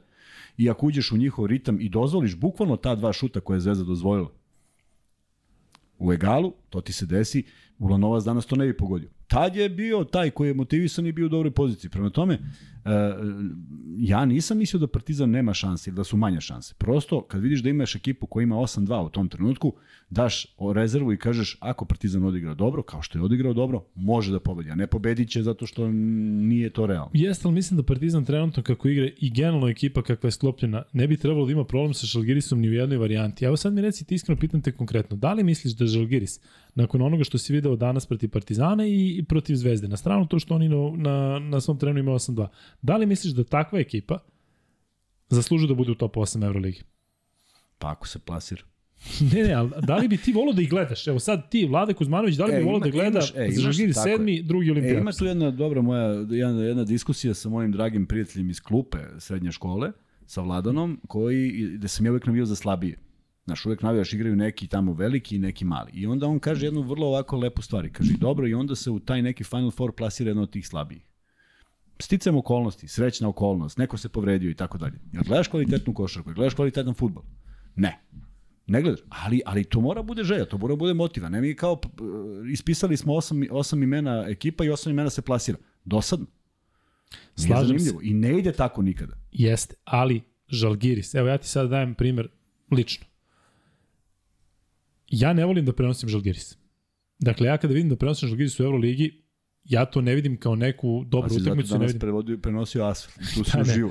Tako, ali kažem ti, ne obraduje me to, niti bih voleo da gledam njih u play-offu kako god. Zato što jednostavno mislim, kažem još jednom, da se, se njima namestile neke kockice i da, je, da nije realnost ni ono drugo polovreme protiv Panathinaikosa, ali kada ti u tom nekom naletu pobedi si zvezdu, dozvoliš da te Panathinaikos koji je zaista jedna kanta ekipa, šta god dosta je to, s tim kantama, čoveč. ali 60-20 da te dobije Panathinaikos. I onda izgubiš od Jonave. A morate shvatite da za Jonovu igra Huskić. E, ništa nemam protiv, dakle, on je fenomenalan za taj nivo. Igra onaj Geret. Igraju neki momci koji, koji deluju kao streetball košakaši i oni dobiju i Žalgiris u, u Kaunasu na oproštaju Kalnijetisa. I kažem, meni to jednostavno, opet kažem, Baskonija, evo opet kažem, Baskonija, Makabi, Žalgiris. Ja ne bih volao da vidim te timove u top 8. Jednostavno, ne dopadaju mi se uopšte kako igraju. To da je odjednom kao nešto eksplodiraš, pa onda imaš, ne znam, ne, ne, ne, Mislim da, da, mislim da su se malo, malo ih je ovo sve ogolilo. Mislim da je ovo pravo stanje Žalgirisa, ovo što smo imali sada, Pa, i taj dobro, Panathinaikos, pravo, i to što nepravo. se desi. Pravo, nepravo, kako, znaš kako bi ti rekao, i one godine kad je Makabi kupio Vimsa i onu ekipu, pa se ogolilo i videlo se da ništa ne valja. Pa seti se da je Efes do pre pet godina bio poslednji na tabeli. Uvek ima tih nekih uspona i, spado, i padova, ali ovo je samo pričamo o ovoj utakmici konkretno. Partizan je odigrao najbolje što može u ovom trenutku. Mislim da je ovo najbolja utakmica, ako neko misli da ima neka bolja u redu, nije, nije problem, ali u pravom trenutku i zaustavio sve to što Žalgiris ipak može da ponudi. Da se razumemo, i Žalgiris na Final Fouru sa Jasekivičiusom kao trenerom i Vasom Micićem. Šta je on bio? Ekipa koju ste vidio na Final Fouru? Na početku sezone. Nisi, ali su cepali, imali sistem neki ku koji su verovali, ginuli, padali, igrao je još onaj, kako, igrao je Jankunas i onaj drugi igrao. Ne mogu setim ni kako zove. Kako zove? Koji poziciji? Pa ja isto centar neki. Bio je Jankunas i bio je, ko je još bio onaj? Visoki onaj. Drago, bokser. Kako se, znaš onaj? Aj neka se neko seti ko je pra, na tom Final Fouru je bio. Oni sa onom frizurom, onako što je litvanski reprezentativac. Jest. Da, što ima metalnu onu neku... Ne znam šta ima, ali eto, Ima, on je nosi neki igrao. metal. Ajde, setite se kako se zove taj čovjek. Tako da nisu oni obećavali ni tada, ali smo svi rekli, ej, kako je dobro. Mada, rekao sam ti, malo simpatije imam prema svemu tome. Danas čujem da je posle utakmice, nisam gledao konferenciju štampu, neka potpuno sumanuta pitanja za Željka Obradovića o Ukrajini, o Rusiji, o, mislim, Da, da, to su navlačili ranije ono Pa mislim, znaš Vasu, šta, pa tu neko, vidi, tu neko ko vodi tu konferenciju štampu kaže nema šta, kao što je na tenisu. Ili kao što su bili futboleri. Šta im mislite? Ne mislim ništa, bre, mani. Jevtokas se zove, evo Jevto, ja. je, tako je, Jevtokas. E, znači to je bila ekipa, što, volio bi je- Jeftokasa u ekipi, ma nema me zezaš. je. Crni grobar ovde nešto lepo komentariše, u smislu uvek se slažemo, ne zato što je Crni grobar, već zato što zaista ima smislene ideje i komentare. Luka, pratio sam danas malo Fener Alba, meč koji si ti radio, Alba je najveća kanta ljudi, igraju u rekreativnu košaku. Katastrofa. Dakle, meni dan danas nije jasno kako je Alba pobedila Partizan, ima tu e, da kažem argumenta i, i, i objašnjenja šta se desilo u prvom kolu, ali oni ljudi su zaista, zaista na ivici dobrog ukusa. Dakle, da te Fenerbahče onako ošašulji Fenerbahče koji je u kontraritmu poslednjih nekoliko nedelja, dakle, ono je baš, baš loše. Pritom je Alba kompletna. Dakle, Lo nije igrao malo igrao zato što je povređen i Eriksen ne igra, Eriksen ne igra IHH. Tako da, kako je Alba otvorila sa 3-0 i kako smo svi kao bili u fuzonu, o, to Alba će, ne znam šta, oni od tada imaju 3-16, 3-17 sa ovim mečem. Tako da, sve u svemu, to je ono čemu pričam. Ima mnogo ekipa koje su kanti. Gledam te recimo tu Albu i razmišljam kako njih baš briga i kako će oni naredne sezone igrati Euroligu, a godinama unazad nisu konkurentni i kako to zaista nije pravedno prema Partizanu i Zvezdi. Mi se ovde poubijasmo međusobno za tu ABA ligu ko će da bude šampion da bi mogao jedan tim da ide u Euroligu, a pogledajte kakva je, kakva je atmosfera šta je rekao uh, Vildosa, koji je rekao pre, po, uh, preporučujem svim igračima da dođu da igraju u, u Partizan ili Zvezdu, kad je Željko rekao i Partizan i Zvezda treba da igraju u Euroligu, pa je Mike James to rekao da, apsolutno se slažem, tweetovao, pazi, James tweetuje. Koji inače taj Mike James, uh, razmišljam, uopšte možda nije loš momak, znaš? Ne Ja mislim, mislim sad kad bi se on pojavio ovdje kad mu rekli, e Mike, treba nam 10 soma dolara da mu ovde napravimo neki reflektor, on bi rekao, mislim, ne ok, mislim ja, ja uopšte ne mislim tip. da, je- što bi ja mislio da je on loš. Čak ne i mislim- Obradović, ne verujem da je bio ironičan kad su ga pitali ovde posle pobede prošle sezone protiv uh, Zvezde, ovde kad je Monako ono preokrenuo posle korone. Uh, on je rekao, Mike James, ma, dobar dečko. Znaš, on na terenu je verovatno neki taj freak i ovaj, a inače. I ti kad zanemariš da, da kad zanemariš neke stvari, ti uživaš i da ga gledaš, i uživaš njegovim potezima, uživaš u njegovoj hladnokrvnosti, ali prosto uh, izlazi samo iz onog okvira što što ne mora da radi da bi bio još veći igrač. Jeste. On to ne razume. On može zbog toga da ne bude veliki igrač. Ne, ne, sa tim neće biti veliki igrač. Ako to promeni, onda može. slažem To se. je On recimo tamo u Oregonu i recimo ide kod svog jednog frizera od kad je imao ne znam koliko godina, 5-6 godina, dan danas i kažu za njega tamo svi ti iz kraja, da on, on bukvalno bleč iz kraja, da je dobar tip koji jednostavno košarkaš, ali da je u glavi baš da, pa malo... šta da radimo? Mislim, bilo je specifičan, takvih to je to. ljudi i takvih bubica. Kuzma, da se vratimo na ovaj meč. E, Ajde. E, Da, ovde samo komentar za, La, za Albu, kako to e, neospano užasna Alba osvoja Nemačku ligu tri godine za stopra. Zato što je tamo e, konkurent samo Bayern, koga baš briga za Nemačku ligu. I to vam je to što se tiče e, Nemačke ligi. Ali, e, što se tiče Partizana, dakle, od početka pa do kraja, zaista jedna sigurna partija. Ono što je mene najviše obradovalo, to je taj, e, taj odgovor na naleđ Algirisa kada je prišao na šest razlike, čini mi se u trećoj četvrtini, gde je Partizan tek dodao gas, što Kuzma kaže, dakle Partizan je danas dobio i meč, ali je dobio i Papa Petru, a takvog Papa Petru smo očekivali praktično cele sezone, tako da iz utakmice u utakmicu Partizan dobija i pritom e, se još neke pozitivne stvari, stvari, stvari dešavaju, tako da eto Vanja može da staviš pol, baš da vidimo šta ljudi misle, da shvatite i kada nas pitate da li mogu jedni drugi u F4, da li mogu u top 8, e, generalno ne volimo tako da nešto predskazujemo i da prognoziramo, ali sada je već vreme da onako čujemo i vaše mišljenje oko toga. Baš stavi pol, da li mislite da Partizan e, da li će Partizan igrati u, u play-offu, odnosno da li će igrati u top 8 i da vidim ljudi stavi da ili ne, zato što ovo sada već mislim da, da, da onako zaista uliva jednu pravu, realnu nadu e, navijačima Ma Partizana da može. je to, još uvek je to samo nada i treba treba se zadržati na tome. Upravo Tako je, o tome pričam. tako je. Dakle, sad je jedan dobar dobar uh, uh,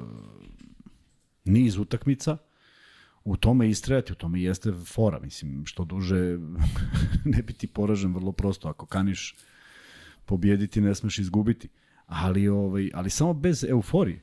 Uh, zato što je bila euforija Evo konkretno Partizan. Bila je euforija, euforija pa splasla. A onda su verovatno sve oči uprte u to što Zvezda ima dve pobede. Pa je to još veća nervoza. Uopšte ne treba da se gleda. Ja, ja stvarno želim da, ja stvarno sumnjam da ona Barcelona kad izgubi, ona brzo odu igrači, pogledaju šta je uradio Real. Šta je bre briga, šta je uradio Real? Oni gledaju Ali mislim da je njima lakše, oni su sigurno to posle imaju kvalitet. Ma ne, hoću da kažem, hoću da kažem, Da. mnogo je bitnije da se pobeđuje i da se pravi taj neki Nezdrav rivalitet Tako je, definitivno tako je, je, ovde, Tako to je. I smo onda, rekli. I onda, a Zvezda je bila kontra. Ništa, pa euforija.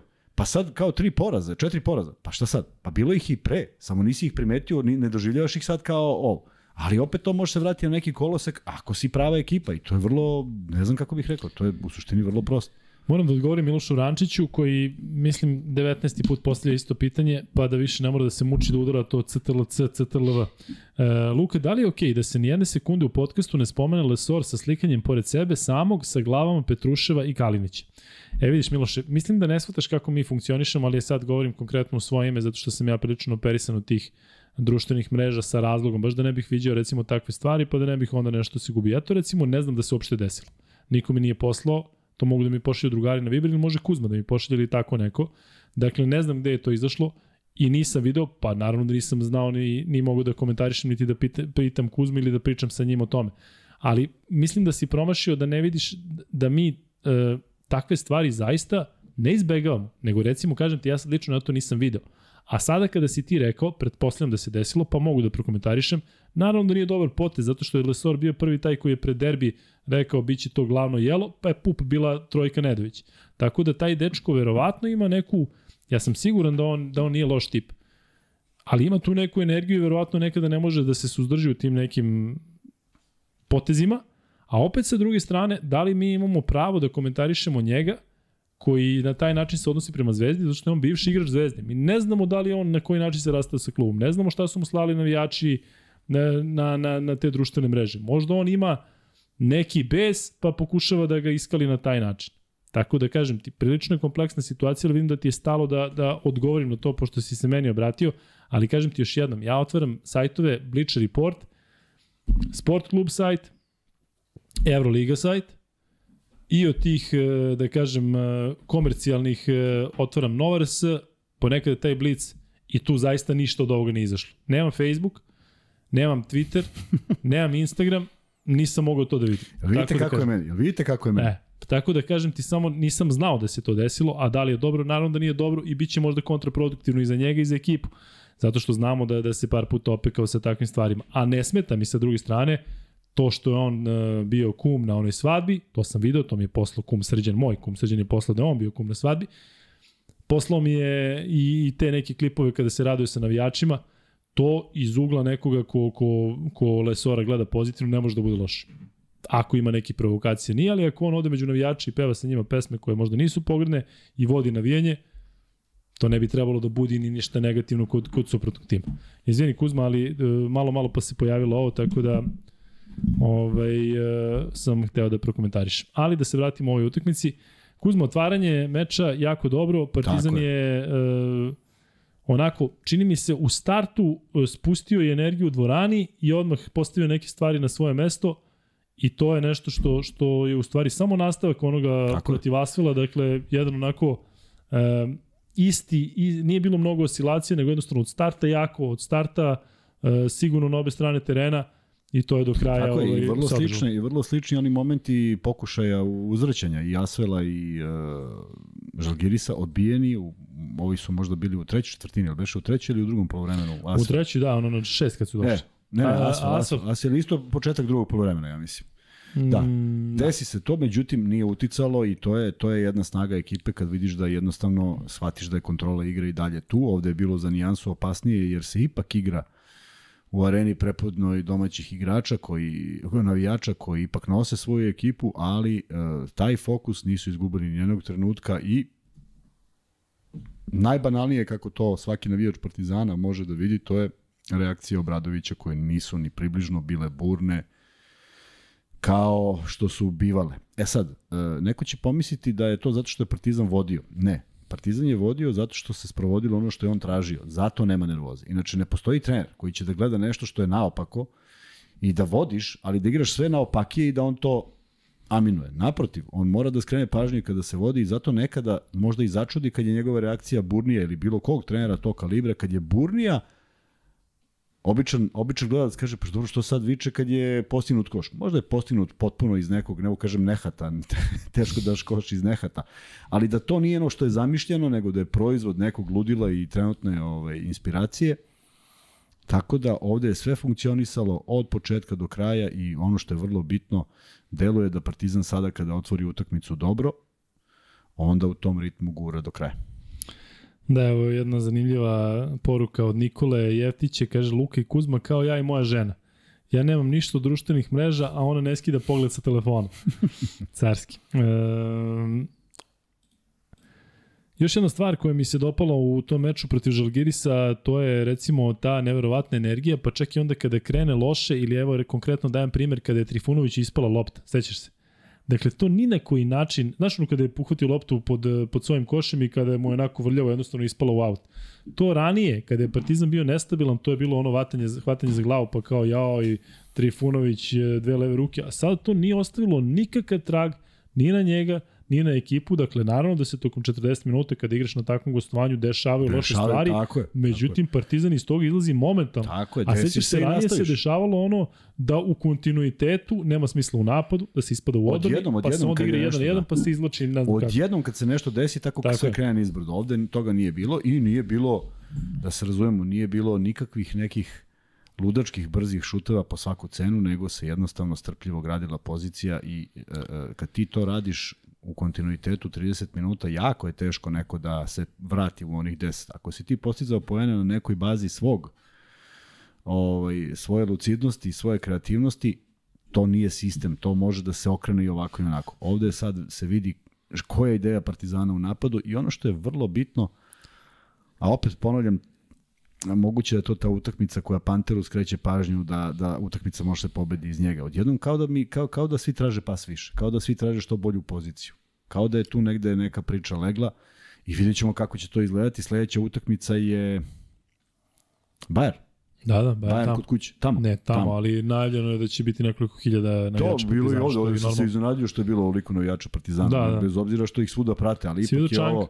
Jesam, da. Ali ipak ovo daleko, znaš, ipak, ipak je ovo nekako na kraju Evrope gore, a, međutim, to, to će biti sad test, zato što Bayern opet drugačije igra pred domaćom publikom, doživjeli su neke poraze i, i, i e, imaju jednog trenera koji želi, više od svega želi pobedu, to je 100%, tako da će tu biti još neki, neka dodatna tenzija u tom, sportska tenzija, ne nikakva, nikakva loša, loša tenzija, nego jednostavno želeće i bit će vrlo čupavo i na toj utakmici iz prostog razloga što su vrlo slične koncepcije jedan i drugi tim. Imaju neke igrače koji su zabeležili fantastične rezultate što se tiče individualnog učinka u prošlom mesecu, je li tako? Rubit je bio igrač meseca. Jeste. E, treba biti oprezan i isto ovako igrati utakmicu e, bez neke euforije. Potpuno je zaboraviti i ići u neku novu u neku novu priču, ako to uspeju, onda su na pravom putu. Onda je, on, onda je ono što je Obradović tražio od početka sezone konačno i definitivno leglo. Ovo je nešto što mi se dopada da neke stvari o kojima ja hoću da, da pričam, da ovde vidim pitanje baš slično onoga što o čemu želim da pričam sa Kuzmom. Vuk Grbić naš je rekao, Vuk koji inače ima onaj najbolji, najbolji naš kada se čestitalo stoti podcast, imao si baš dobru foru, fenomenalno si setio da držiš kao Chamberlain na papiru stotku, tako da se pohvale za to. Nadam se da ono o čemu smo razgovarali i kada smo kontaktirali da radiš na tome. Ali Luka, da li misliš da je prerano da se ovoliko skraćuje roster? Znaš kako, primetio sam da je Partizan igrao samo sa devetoricom, dakle nisu igli Madar, Andjušić i Vukčević. I primetio sam i nemam dalje stav o tome zato što se isključivo osnovno to da Željko zna šta radi. Dakle, ali ajde Kuzma ti mi reci, Partizan je sa devetoricom izgledao zaista fenomenalno kao celina, je to na duže staze održivo da ti imaš devet igrača u rotaciji? Na, u ovakvom uh, sistemu, sa ovakvim timovima, posebno kada se zahukta i eventualno dođe do... Vidiš, e, ja sam juče pričao o tome sa idejom kako bih i nisam ni sumnjao da će to Obradović smanjiti zato što je potrebno da se pobeđuje. Sad je potrebno da se pobeđuje. Ne da on sad stvori nekog igrača koji će u posljednjem kolu da briljira. To sad trenutno nije, nije pretrano važno. Važno je pobeđivati i zato moraš da imaš izbor onih koji su ti od poverenja. Ne kažem da on tretira igrače drugačije, ne kažem da mu je Miliji prvi od desetog, ali prosto imaš ideju kako ćeš dobiješ utakmicu. I ako ti se to što se dešava na terenu sviđa i ako se dešava dobro, nemaš razloga. Neka se izmore, evo ga dolazi ta neka ABA liga, ne mislim da će e, Partizan gostuje, je li tako? Partizan sada u Aba Ligi gostuje, da. Gostuje i to nekome nešto nije baš zgodno, a? E, mislim da nije čak ni strašno. Znam da 12. igra protiv Bor... Ne, igra protiv Megi u Beogradu. Protiv Meg. Da. To, znači ipak nalaze, naila- nailaze na ekipu koja je u usponu i koja sad ima doživljaj ozbiljan da igra protiv Partizana. Dakle, hoću kažem, nije najvan protivnik u ovakvom naletu u kojem se nalaze. Neće biti nešto mnogo za odmor, ali će biti mogućnost da se iskoriste igrači koji su manje igrali. I to je potpuno normalno da oni moraju da budu spremni za, za nedelju. Potpuno normalno, bez obzira što nisu, oni sad treba da uživaju u pobedi jer su deo ekipe. Taj koji ne uživa u pobedi svoje ekipe sa klupe, ne treba bude u toj ekipi. To, to, to mi nikad nije bilo jasno. Da, misliš da postoje oni koji, koji se nadaju da bude su, loše, pa kad ja uđem da, pokažu da, postojali Ili kad su- ja ne igram da se uvek, pa da... a, Postojali su uvek.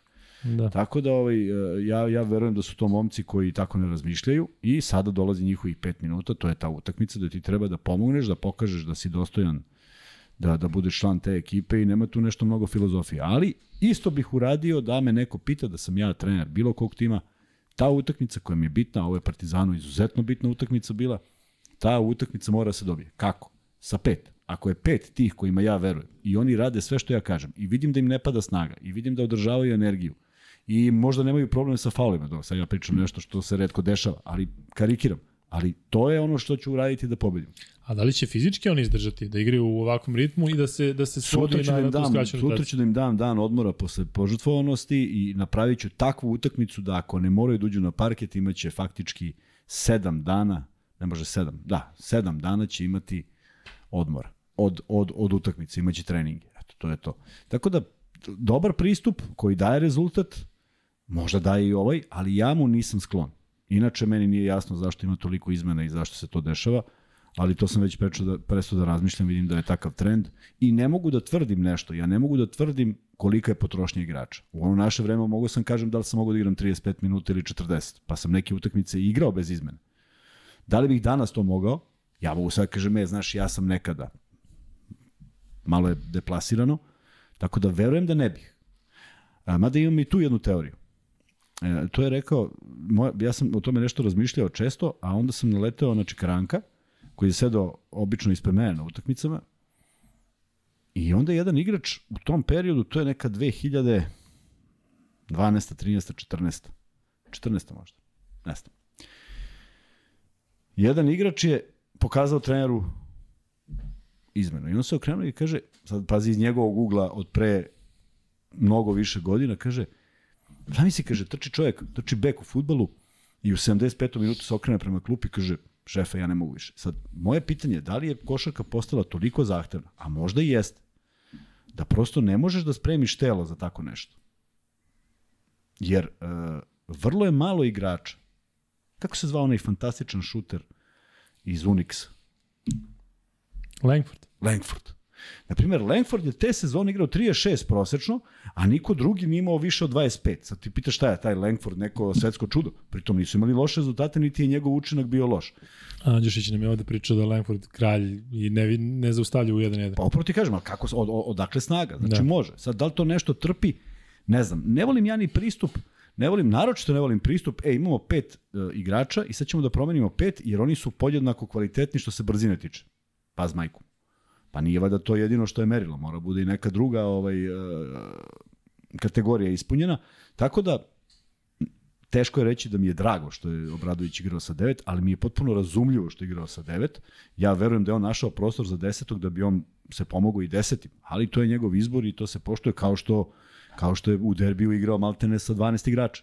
Znači, Dobro, ali to je nešto što je promenljivo iz utakmice u utakmicu, tako? Zato kažem, ali onog momenta kad izabereš kad vidiš stanje stvari i kad ti, ti vidiš i govor tela, ti poznaješ te igrače, ti ga vidiš da li on prisutan ili nije. Kad vidiš da jeste, idemo, sad ćemo mi lagano, pa mu neke stvari olakšaš da on bude na nekoj najslabijoj karici u odbrani, pa da može samo da pomaže, pa može šutira neko ko ima najslabiji šut, pa se taj neko i, pošt, i prištedi malo u odbrani. Znaš, ima, ima tu mnogo stvari koje se, o, o kojima se razmišlja. Ali znaš šta mi se dopada u igri Partizana i generalno sad u ovoj seriji? Što mislim da sve što Željko Bradović zamisli da se to sprovede na terenu. Dakle, više nema onih momenta da sada uđe neko pa igra 3 minuta i više ne ga nema To na klupi, pa mi onda e. sedimo ovde i pričamo, pa čekaj možda mu je E, nešto odgovorio okej. ili naneli je nešto sada. E, sad da, vraćamo, aj sad da vratimo, aj sad da vratimo na ono kada je bilo onih momenata Smajlagić ušao i onda izašao, nisi ni primetio da je... Tako da je tako je. I sad, o, e, šta hoću da kažem? Juče sam dobio pitanja, dok je trajao podcast, da li ovo, ove izmene i ovaj odnos Ivanovića prema Petruševu, da li on gumi samopouzdanje? Aj sad da razmišljamo o Smajlagićevom samopouzdanju u tim momentima.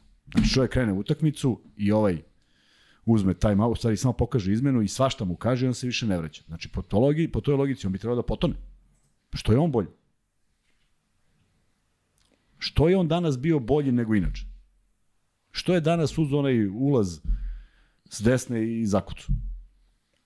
Dakle, po ovoj logici, kad ga izvadiš, on bi sad trebao potone i da sedi tamo, bude inventar na klupi, da, da se ne pomera, ali njega je nešto pokrenulo. Dakle, i to je do čoveka. Tako da ja ne mislim da postoje pedagoški loše stvari kada ti neko kaže ili priča milijardu puta ti ne ukapiraš, pa mora postoji neka konsekvenca. Posebno Slažem. ako ima takav odnos prema svima, u smislu Tako, vidio ali si on slažem, tako, ali slažem se da je kontraproduktivno za ekipu. Ali vidi, sad mi to gledamo kao krajnji rezultat. Možda da je ovaj ostao, možda bi bilo još gore. Da. Mislim, nikad ne znaš šta bi bilo. U svakom slučaju, Jeste. hoću da kažem da trener kojem, u kojeg imaš poverenje neće raditi protiv sebe. Tako je. Ne može raditi on protiv tebe tako što ti izve, ne možeš protiv tebe. Ti ćeš se odmoriš, baš te briga. Plata ide. Je tako? U ovom sistemu Jeste. vrednosti, ti ka, da kazniš Amerikanca uh, u njegovom shvatanju života i svega, da ne igra, on se čovjek pita šta s ovim trenerom nije u redu. A kad ga kazniš što je zakasnio na trening 5%, e, to boli kao da je, znaš, jer tako on to posmatra. Prema tome, e, dobra stvar je što je očigledno I to ćemo vidjeti, ne možemo ni još, još uvijek ne možemo znamo, bez obzira što su utakmice određene jako dobro, svaka sve bolje, ali sad treba taj kontinuitet da potraje i da Partizan pobeđuje utakmice gde bi trebalo da bude favorit. Bez obzira što igra u Nemačkoj, ovo što gledamo od Partizana i što gledamo od Bajerna, da se ne lažemo, Partizan je u mnogo boljoj formi. Da li on sad slovi za favorita? Ne. Slovi samo ako odigra ovakvu utakmicu, a to je ono što se traži. Posebno je bilo tako, već je bilo takvih mečeva gde Partizan bio veliki favorit u desi. Valencija i tamo je. i vamo i... I ništa se ne Da, desi. tako da- Upravo to. Dakle, da bi, neko, da bi neko ne bio na papiru favorit, mora ponovi ovakvu igru. Ovo mora sad bude reper nečega što Partizan treba da ganja do kraja života. do kraja, do kraja milenijuma da bi, da bi, da bi uspeo možda u tome u čemu, u čemu se sada, na- u, u, da bi iskoristio ovu situaciju u kojoj se nalaze, a dobra. Eto, Vanček, viš kako si promašio, rekao si Soma i po ljudi u live-u, a evo, dva i po Soma skoro, tako da... Ljudi, svaka čast, pola dva noću pričamo o meču koji je završen pre 5 sati i dve i po hiljade vas je sa nama u live-u. I ajde, ovaj, šta kažeš? Video sam, video sam, sad ću da kažem samo prvo da, da, da kažem da čim dođemo do 500 lajka, odmah udaramo prvi free bet koji će naravno biti iz utakmice Partizan Žalgiris, a blizu smo tog 500 lajka. Jovan 888 se javlja iz Čikaga i ponovo donira, što se kaže, šakom i kapom. Jole, da nije tebe, trebali bi podcasti po pola sata. Možemo plaćamo studiju. Da. E, ali šalno stranu, hvala ti puno. Kaže, sama kao list na vetru, sama kao Papa Petru. Jes bio sam danas nekoliko puta. Jeste, ali ima i onih jest. momenta kad je pronašao šut. Da, da. Ali e, Gabriel, Gabriel Omar Batistuta je ponovo donirao, hvala ti puno Batistuta i postavio si pitanje koje ja sad ne mogu da nađem zašto sam otišao previše dole. E, ne mogu da vratim to, ali e, otprilike mislim da je bilo da li vam se čini da je neizvesnija Euroliga nego ikada jeste, definitivno. Dakle, nije, kao što si napisao sam, nije zbog Zvezdi i Partizana, već jednostavno Euroliga ova sezona je istorijska u svakom smislu. Mnogo je ekipa ujednačenog kvaliteta, gde ja i dalje mislim da timovi poput Žalgirisa, Baskoni i Makabija, nakon svega što sam video ove sezone i prenosio toliko mečeva, mislim da ne bi trebalo da igraju u Euroligi. Dajem konkretno primer Baskoni, oni imaju debitanskog, oni imaju trenera debitanta, imaju Howarda od koga zavisi u velikoj meri i oslanjaju se isključivo na šut za 3 pojena. Ja volim ih da gledam, zašto to deluje super kada krene onako u, u njihovom ritmu, međutim videli ste par puta i u protiv Partizana u Beogradu, na stranu što on igrao Howard, protiv Asfala na strani, dakle jednostavno kad ne ideš protiv Albe tamo, ne ide ti šut, ne ide ti ništa, staneš jednostavno negde i, i ne možeš ništa. Tako da, a Makabi da ne komentarišem, Makabi opet sklepana ekipa od milion stranaca, imaju problem sa Brownom, najbolji igrač se povredio, ali ja jednostavno to ne volim kada ti e, imaš toliko novih igrača i od njih tražiš instant e, uspeh i prethodnih sezona to nije bilo dobro, dobro uopšte koncipirano i nije dalo rezultat. A evo recimo da ću sada samo pravim opet digresiju, daću primer Efesa. Dosta sam ovih, e, gledam da usmerim misli ka košaci, da ne bih razmišljao o nečemu drugom, ali e, dosta sam razmišljao o Efesu. Evo Kuzma, ti ćeš se u suštini slo, složiti zato što ponavljam tvoje reči. Taj Efes je dvostruki prvak Evrope. Međutim, pravim paralelu između Atamana i Micića kao što recimo Melon i Jokić. Ne u toj meri kao što Jokić nosi tim na leđima i bez njega tamo bi se sve, sve ovaj polupalo. Međutim, taj Ataman, od njega smo napravili sada, ček, ono, najviše me ono kao, ma on je džubre čoveka, šta je se radio, ali je trener, ba, to ne, ne znam, trener. Ajmo realno, Kuzma. Dve stvari. Da li bi, da, da nije Micića i njegove individualne genijalnosti, da li bi Efes prišao tituli jednoj i drugoj? Pritom, prva titula u korona sezoni, specifični uslovi igra se bez publike. Druga titula tokom sezone za koju si ti rekao, namesti im se da izbace e, ruski klubove i kaže da ne bi igrali u top 8, ja ostavljam mogućnost da bi oni igrali u top 8 i da su ostali Rusi. I oni uzmu titul, opet Micić sam dobije ovde, pritom ima oni neobjašnjiv, neobjašnjivo drugo polovreme Reala u Užas, finalu. užas, da. I onda kao Ataman je sada, znaš, postavio, a Iskoristit ću onaj vic, Ajde. ako, si, ako ga znaš, pa bolji je čovek.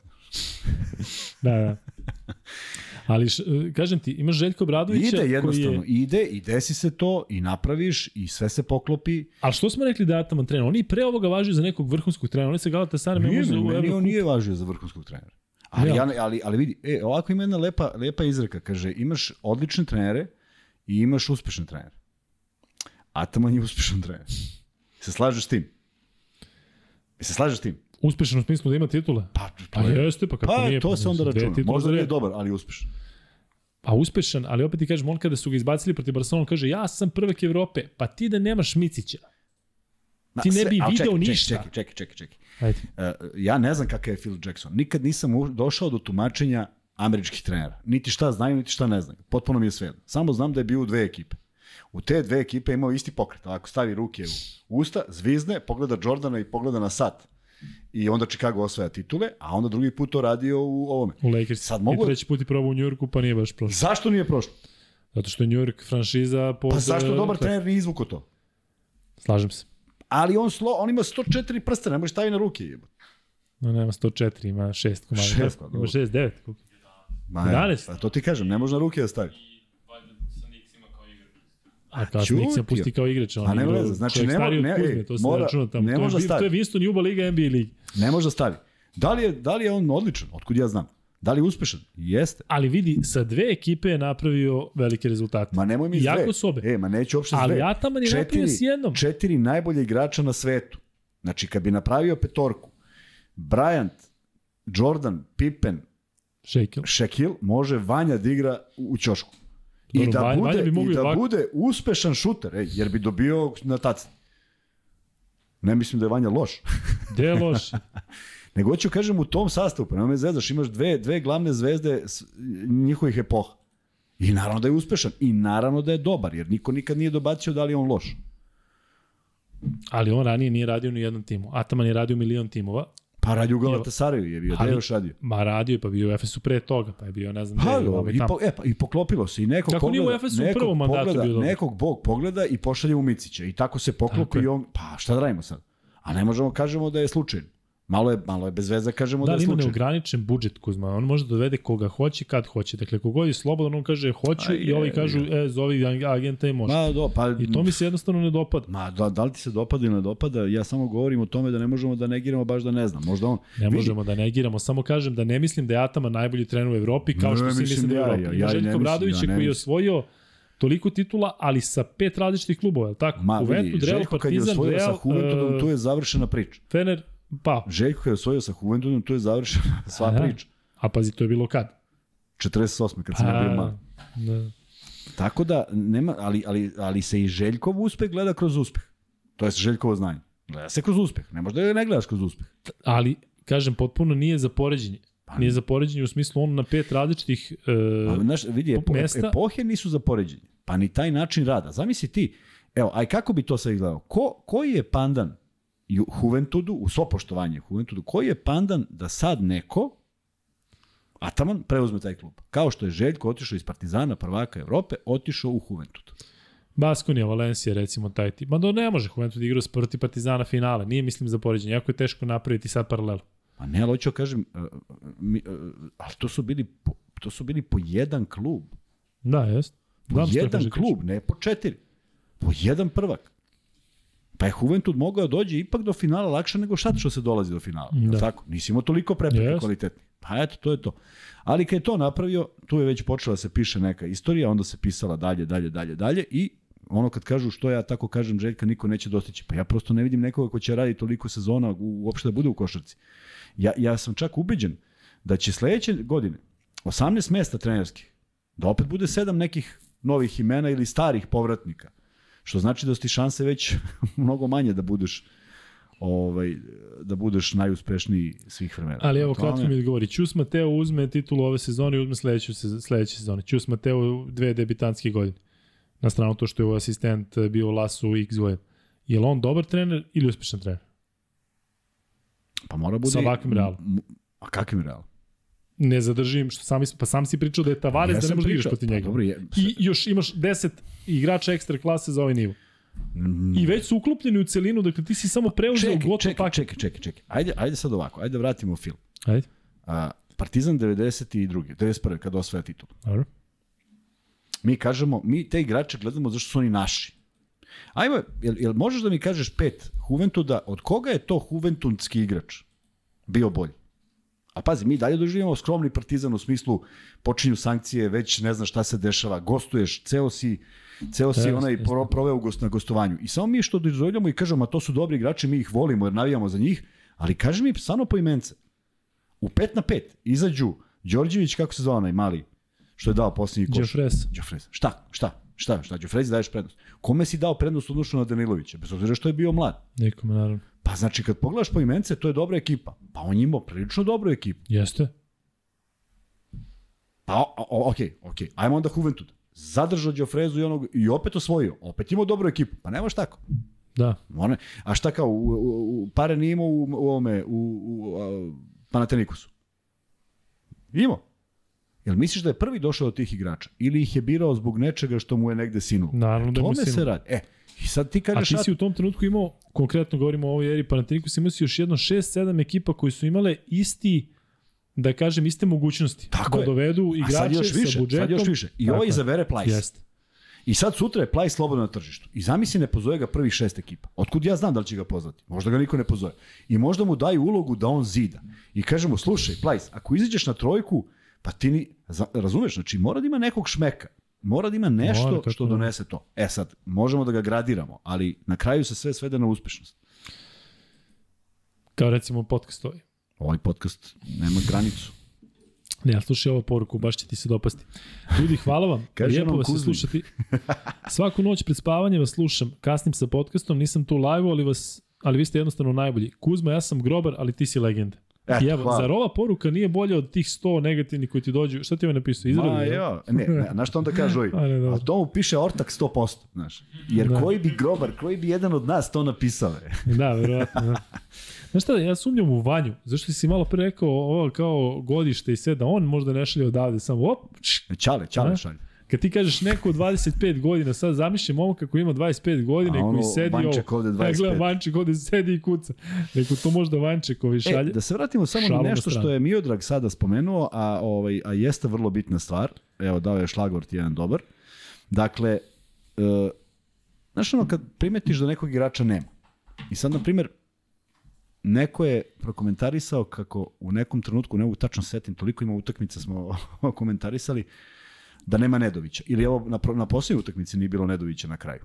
Dobro. A šta se desilo u momentu kada Žalgiri smanjuje i pravi se jedna svako će reći, polovina će reći zašto, a polovina će reći u redu, ali neće svi reći da je u redu. Izlaze Panter i Avramović. I ulaze Nanali i Egzu. I ti sad pomisliš, neko kaže, pa što? A u stvari šta se traži? Mirnija igra. A od koga imaš ipak najmirniju igru i najpouzdaniju? Od Pantera ne. Upravo to. Upravo to. bilo ko drugi da uđemo. I sad fora je u tome.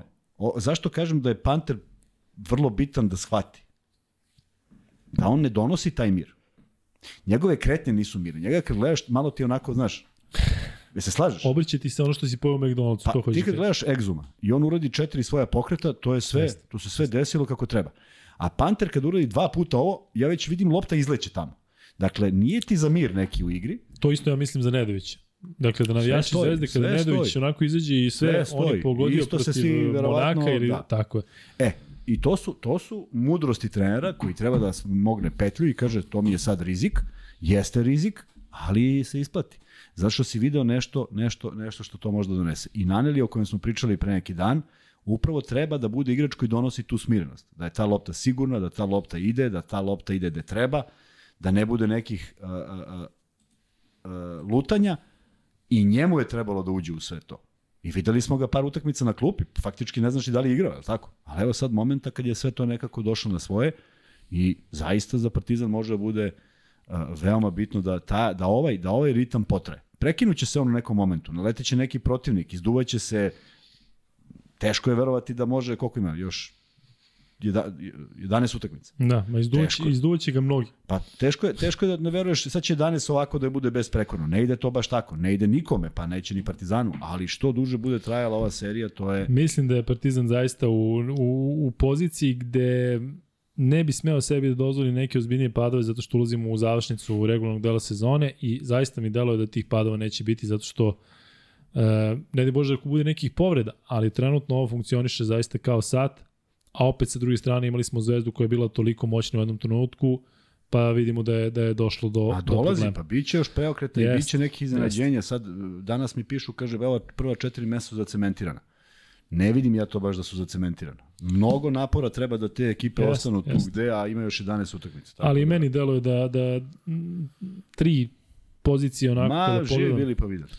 Ajde, baš je Real i Olimpijako će da padnu sigurno i Pa, da, Ali, što da neće? možda ih pobedi Minnesota. Što da neće? Pa zamisli, ne daj Bože, ne daj Bože, Tavaresa zabole leđa i on ne igra. Pa to je druga ekipa. Njega ako zabole leđe, to ti je bol od jedno dva metra. Pa dva Dakle, metra bola ima. Pola reketa boli.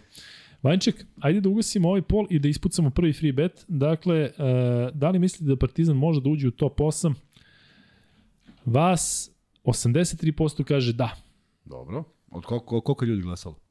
Uh, Mislim, nema neku, nema, 1200 ima ljudi. neku bitnu, bitnu, nego čisto me zanima koliko je učestvovalo u... 2500 ljudi u live-u, 1200 ja mislim da je glasalo, 600 lajkova se bliži, kada dođemo do 1000 tog ispucamo i drugi free bet.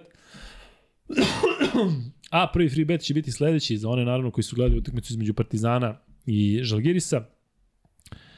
Smajlegić je imao sjajno zakucavanje kada je možda napravio faul u napadu, ali jedan od najboljih poteza na ovom meču, preko koga je zakucao taj igrač je ostao na terenu držeći se za nos, dakle ono zakucavanje kada se stuštio sa 45 stepeni iz koraka desnom rukom baš posterizovao kog igrača. Ko prvi odgovori, dobit će prvi e, prvi MaxBet free bet e, u iznosu od 1000 dinara i slaće svoj MaxBet ID na lukikuzma.gmail.com.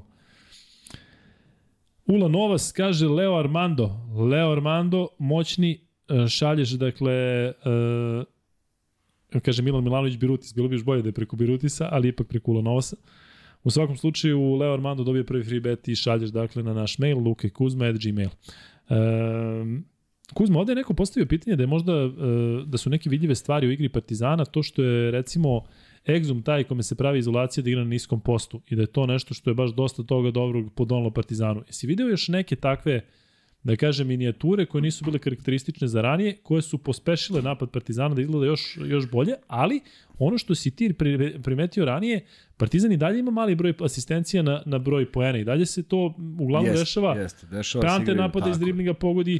Exum napada uh, iz prodora pogodi. Da li misliš da je takva igra održiva Pa jeste, na duže ali, ali ovo je mnogo drugačije nego što je izgledalo. Partizan je gađio bržu igru i krenuo je sezonu sa bržom igrom. I onda se ovo valjda ispostavilo kao možda bolja varijanta i ja mislim da je naj, reč koja se traži za kako je do toga došlo, ja bih rekao strpljenje. Znači sad više nema kada Exum ima loptu i kada kreće u tu neku svoju akciju za koju ima potpuno poverenje stručnog štaba i svih igrača, nema više one brzoprostosti. Svi, svi čekaju da vide šta će da se desi. Dakle, kretnje su sada na neki način pojednostavljene. Kad Pante radi šta radi, svi čekaju strpljivo da, da vide kakav je epilog. Dakle, A kako je bilo ranije? Pa ranije se nije toliko k- kao da je kao da je sve moralo brže da ide. A sada je sada mi deluje i Partizanova igra bez obzira na broj postignutih poena deluje mi sporija, smislenija, nešto što ja više volim da gledam nego kad zuje po terenu. Kada može da se iskoristi, da. Ali generalno ta post-up igra donosi rešenja, sad se, sad se sve više uključuje i ta ideja da se Lesoru spuštaju lopte. Obično ih je on jurio negde na košu, a sad se tu pravi jedna dobra priča da on ima i snalazi se. Ne izgleda to preterano lepo. Lesor kad krene onom jednom nogom levo, desno, pa pomisli šta će da padne, pa negde nađe neki pas, on ga stvarno nađe. I to nije lepo za, za oko, ali očigledno dovoljno efikasno. I, i, i Papa Petru se čeka sada kada nešto radi. I, i Smajlagiću se oslobodi strana kada ne... Znaš, nekako je delovalo konfuznije, a sada kao da odjednom su dobili Pa to ono, ajde da kažem, naj, najjednostavnije moguće, da to zaista neka uigranost, da jednostavno sada znaš Upravo kako to, da reaguješ u situacijama. Upravo to, šta, gde stojiš kad, Tako kad se dešava tako to, a ne metar, metar bliže i praviš problem. I pogledaj, nek svako vrati, ima, možete gledati sve te utakmice. Nek pogleda neke reakcije Obradovića kada, kada pokazuje rukama gde stoji. Ma ne valja ni gde stoji. Ti misliš on stoji bez veze. Ma i to bez veze mora da stoji Da, na da. drugom mestu. Ne možeš bilo gde. E, Matija Milović je donirao i kaže pozdrav iz Orlanda sa Floride, samo jako i nastavite ovim tempom ovo je uživanje. Po ovim tempom teško, zato što će bi završili ovaj brzo na EKG stolu. Ali Oliver Stojanovski kaže, hej, ima nas kojima je 10, 10.35 ujutru. Eto ti. Eto, Znači vidiš. on je negde Seul neki. Negde tamo, Kina. Pozdrav uh, i za tebe Matija i hvala ti na donaciji, znam da si tu ovaj, često zaista uz nas. Uh, Kuzma, jel si spreman da pređemo na igrače? Evo im jedno pitanje za Vanju. Uje. Vanja, čekaj, ono, si spreman? Da li je ono Muki Blejluk uh, Miloš, svojevremeno- Miloš Miković te pita. Znaš ko je Kaže, Muki Blejluk, ne znam? on je glumac. Muki Blejluk. Kaže. On je glumac. Pitanje za Vanju. Da li je izvodljivo da ubacuje neke isečke sa utakmice Zvezde i Partizana dok vas dvojica pričate o istim? Gledam strane podcasta o NBA i mnogo je dobro za gledanje. Jeste, Sami jeste, ne znate koliko bi nam to bilo zanimljivije uz vaše komentarisanje. Nadam se da me je Vančik, Vančik, sad si Vančik sa i, razumeo. Ja mislim da je problem u tome što je Vanja imao svoj podcast o trajanju od 3,5 sata. Da Moramo spremiti. Da li smemo, da li smemo? To je pitanje prava. Da, zato što recimo kada su to radili Eto. Gile i, i Srki, oni su bili na zvaničnom kanalu Sport Klub. I uzimali su od sport kluba. Tako je, a mi ako uzmemo Sport Kluba, zašto? Zato što ti... Od. Šta? Ne, nije to od Evroligino prvo. Kako su oni radili? Ima dogovor Sa sport- tom da, da. i Pa napravit ćemo Pa mi dogovor, ja napravit ćemo dogovor sa. Euroligom. Imamo lepo mišljenje o njima, pa ćemo da napravimo Sad ću lako da dogovor. pustim ja Glikmanu poruku. To je, to je sve Euroligi, to nema veze sa sport klubom ili kogoj te, koje god TV stanice prenosi. To je vlasništvo sport kluba. ovo- Jasno, jasno. Eto, eto. A, ako nije čuo Miloš, to je zbog pra, prava. Napiši Gliks, Whatsapp. Ne, nego Glikmane, nemoj biti... Elem, e, krećemo na igrače, a imamo zaista mnogo opcija ovde od koga da krenemo u, Aj, u igri kreni. Partizana. Što? Šta je? Zašto je 1.52? Da. Pa ti radiš ujutru Brisbane bulice u 10, subotu. Ne, Ne, radiš, radim a posle drugo. toga Tursku odbojku. Sutra je, nažalost, ovaj, Novi dan. Mihajlo Kuzmanović šest meseci. Eto ti. Da, već je prošlo. Već prošlo. a? Da, tako da ćemo da idemo da ovaj, se malo ispričamo s njim. Mom bratu 8 dana, nevjerojatno. Šta se šta se Da, sve je- desilo, je- ali podcast ovaj nosi i nosi i to je zaista fenomenalno.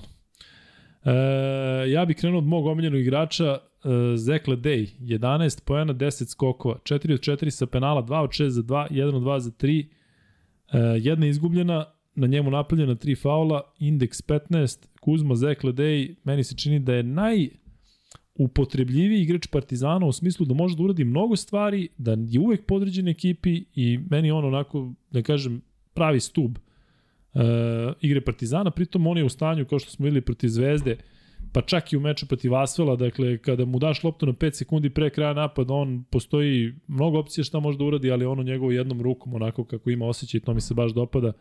Pa to ovi mu je zaštitni znak neki jest, njegov. Iz Partizana kažu da je zaista fenomenalan momak i ja u njega iskreno imam baš puno poverenja. Imaš nešto o Ledeju da kažeš, Nemam, Kuzma? on je, on je, on je nemaš, da otvorio... treba se priča pola sata. Nemam, nemam, zato što je sve rečeno onog momenta kada je, kada je preokrenuo, ne kada je preokrenuo, kada je bio X faktor na utakmici protiv Zvezde. Ta sigurnost, i video si, 20 pa sledeću 6 ili 8, Mhm. ali bez, bez nekog, e, bez čak nekog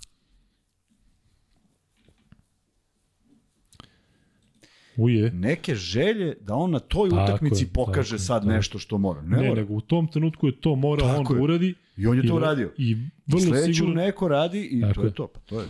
To je razlika E. od Partizanovih igara u onom kad je svako hteo da bude taj neki koji Tako će je. da ipak da više, ne zato što ga neko tera, nego zato što bi želeo, ali ne ide to tako. A smejali ste mi se kada sam govorio da je Zekle Day e, najbolji igrač Partizana i dalje to mislim. Sada kad ljudi kažu najbolji, sad očekuje triple double, ne znam šta, on ponekada zna da bude e, glavni igrač ekipe i kada ima šest poena. E, ali mislim da je među najraznovrsnijima u Partizanu definitivno, zato što znamo šta može Panter, u smislu 1 na 1, ali odbrana, napad, kombinacija, meni Ledej broj 1. Kuzma, Janis Papapetru, 17 poena, 4 skoka, 3 od 6 za 2, 3 od 4 za 3, 2 od 2 sa penala.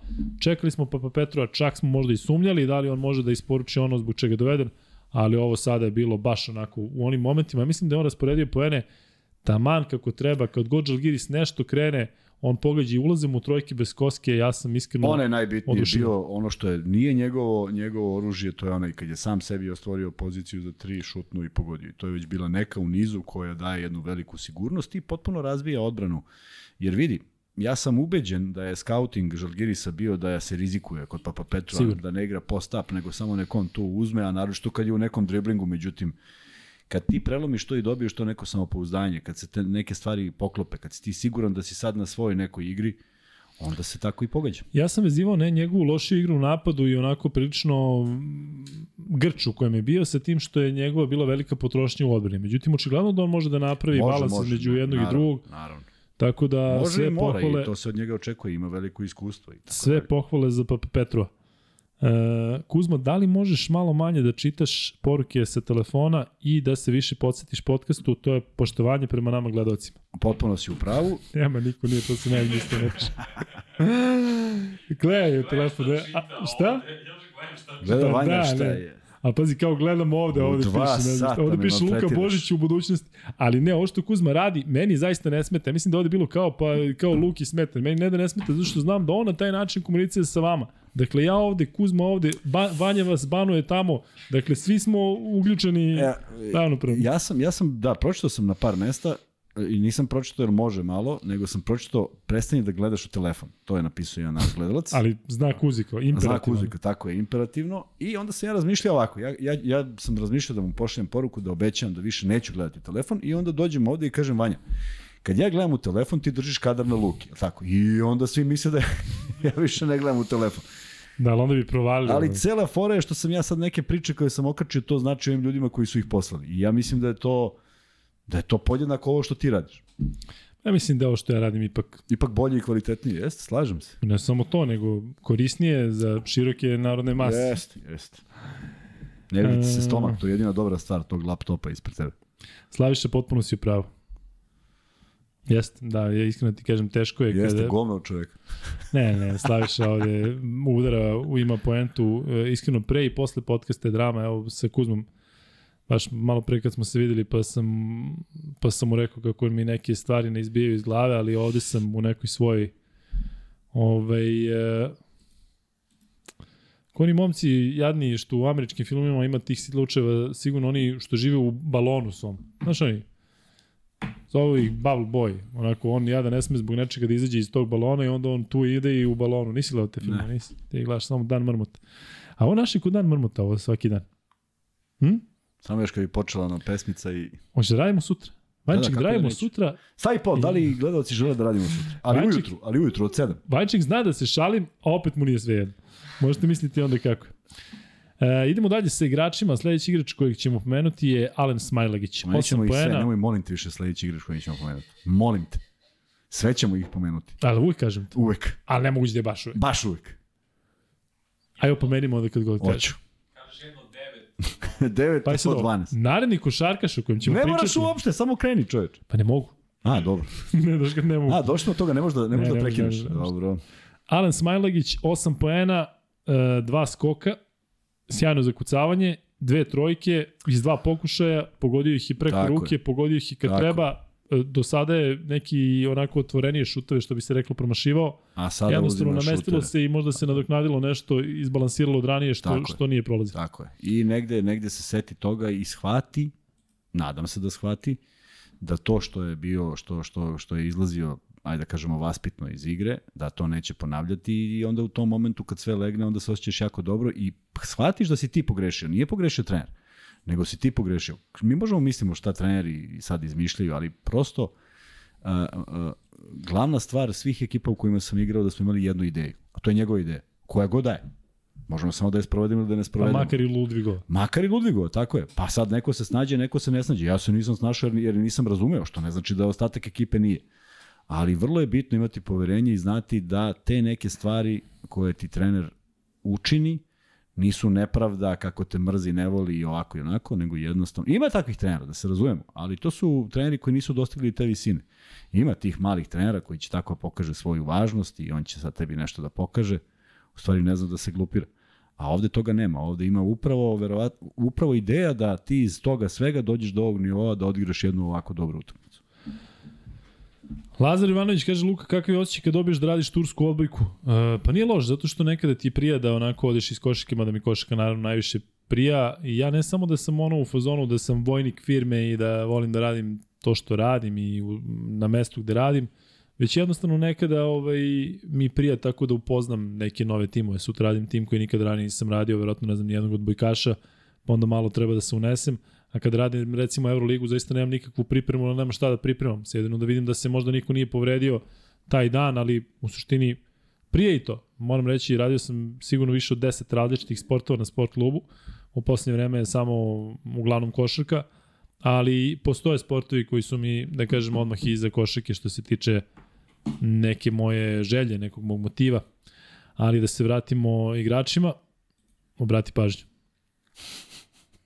James Naneli, 10 poena, 1 od 1 za 2, 2 od 2 za 3, 2 od 2 sa penala. Kakvi, Naneli, kakvi brojevi fini. živeli. Šta reći? Neko ko je uneo mir, neko ko je pogodio sve, bez obzira što to nije 28 pojena, nego je 10, ali zamisli taj procenat i osjećaj. Unio mir, to je najbolje što si mogu da definišeš, dakle on nekako... Najzad nešto. I, i je, da, ostalo sve ovih 132 podcasta Uglavnom, Tako je lutam. tu, da. Ali stvarno njega kad vidiš da, da ulazi u igru nekako osetiš neki Meni, Tražim sinonim za mir, otiš neki meni je bilo interesantno da Spokojstvo. toga nije bilo. To je najveći Da, da. problem kod njega, što to nije bilo. Što je on unosio nemir podjednako kao panter. Da, pa dobro, baš kao panter. Teško ko može. Da, da, ono, Može, Madar i panter kad su na parketu, malo ti je nervoza. kao u Baginoj pesmi i kad svemir čuje nemir, e, to je otprilike kad panter ulazi, ali dobro je panterko, bit će ono još bolje. E,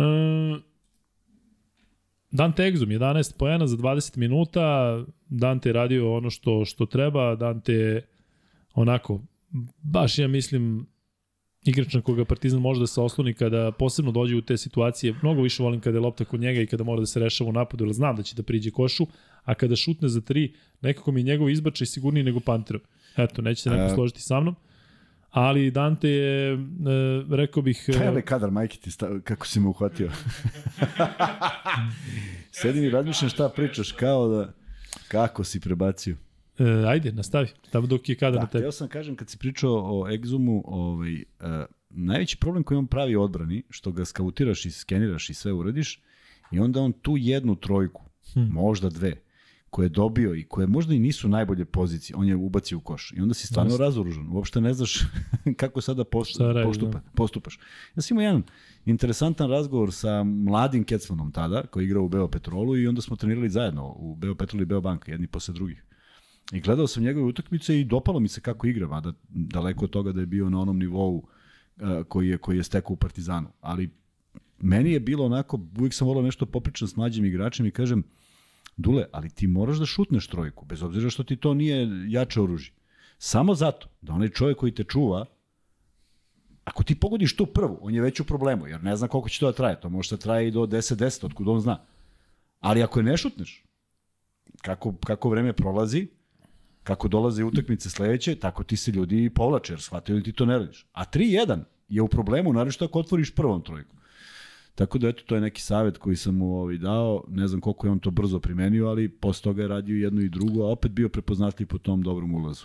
Imam uh, free bet u vezi Dušana Kecmana, ali ajde da dođemo do tog hiljaditog uh, lajka. Dakle, jedva čekam da vam postavim taj free bet i siguran sam da će malo ko Kako znati, ako uopšte sada? iko Kako bude si znao. sad navuko ljude? Da, da, pa to u stvari nemam ništa, znaš, on tipa koji auto vozi. Ali ovaj, ko to zna, pa on zaslužuje i više od E, danas me jedan, jedan, ja, da, posjećam. Sreo si me. Ajde, ne, nisam, Sreo. nisam sreo, ajde. Ima, imaću ja free bet pitanje koje je ipak iz košarke, Opa. treći, da, ali će onda jednu anegdotu po tom pitanju me podsjetio čovjek koji mi je poslao to pitanje. Sada me ubiješ kako se zove. Veli, vele, vele, velo. Veli velo. Vele, velo. Meni nadimak. ništa nije jasno, ovi posljednji 3 Ajde. sekundi što si rekao, ništa mi nije jasno. Koji je da sledeći igrač o kojem ćemo pričati? Sledeći igrač, koga ćemo pomenuti, je Matijas Lesor, 14 pojena, 5 od 8 za 2, 4 od 7 za 3, 6 skokova, 6 izgubljenih, 3 od 7 za 3, svaka mu čast. 4 od 7, Nikad- 12 pojena dao čovjek s trojke. 4 od 7 sa penala. Ja mislim da nije šutno 7 trojki ukupno u karijeri. Možda ono na isteku Ni na četvrtine. treningu. I šta kažeš svakom u čast. Ne? Svaka mu čast, kako je odigrao.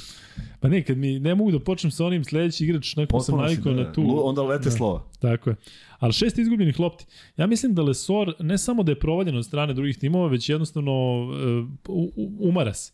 E, brine me to što, što mislim da u jednom trenutku Lesor neće moći da proizvede ovo što, što proizvodi od početka sezone i mislim da je jadan sav takav kada se baca, kada je sve, da je na ivici, da ne daj Bože ga neko ćušne, vidite kako on zaista gine za svaku loptu, ne daj Bože da se Lesor provredi, ne daj Bože, znači ne, ne znam bilo ko drugi u igri u, u ekipi Partizana da se povredi, ali Lesor trenutno ovaj, održava tu, tu formu I eto Kuzma na stranu te četiri trojke, šest skokova i šest izgubljenih lopti, ili te izgubljene lopte treba da brinu baš zato što sada skuplja odbrana, što ga udvajaju, što Udvajaju ga... jeste, teže. Vidio si koliko teže, puta pravi tako je, korak i tako ostalo. je, tako je. To su izgubljene lopte, jer, jer, jer, a pritom tako igra ekipa Žalgirisa i gabaritni su svi oni kad stanu nemaju neki naročit strah. Tako da su mu neke lopte ispale, neke otišle u aut, neke su loše dodate, ali nije to nešto što uh, može da zabrine, mada ekipe koje, koje budu tako udvajale i utrajale, a, više će ga umarati nego što će mu praviti problem u toj nek, tim nekim izgubljenim loptama. Jer to je velika borba da on, da on u pojedinim situacijama dođe do pozicije za šut, pa čak i nije dolazio, uh, ma koliko jak bio i koliko brz bio. Viš sad kada si rekao Mada, Ti je Madar. da, ja sam mislio, ja sam mislio Madar je danas bio, no, Pa si teo da mi kažeš kako mi uzimaš ovaj, ne samo reči iz usta, nego mi dozvoljavaš da kažem ono moje omiljeno. tako je. E, Kevin Panter, 14 poena, dao 4 za 3, 4 od 5 za 2. Kevin Panter igra mnogo racionalnije nego ranije i e, ne mogu da kažem igra zrelije. Ali jednostavno ovo je Panter... da, U ovoj sezoni, u ovih, 30. u ovih dve nedelje. E, Panter je neko ko e, je čini mi se pronašao i prihvatio svoju ulogu u timu, ona verovatno nije ta da će on biti lider kome treba da ide svaka lopta. A koja, ne mora da je svaka lopta, valjda Tako mu je jasno da ne mora. E, ali eto ga da porediš, pričali smo i ranije, kada ga se setiš iz onog perioda, konkretno iz Zvezde i sada, koliki je tu napredak, koliko je to drugačije, Drugačije, koliko je to... mnogo drugačije. Mnogo, mnogo drugačije.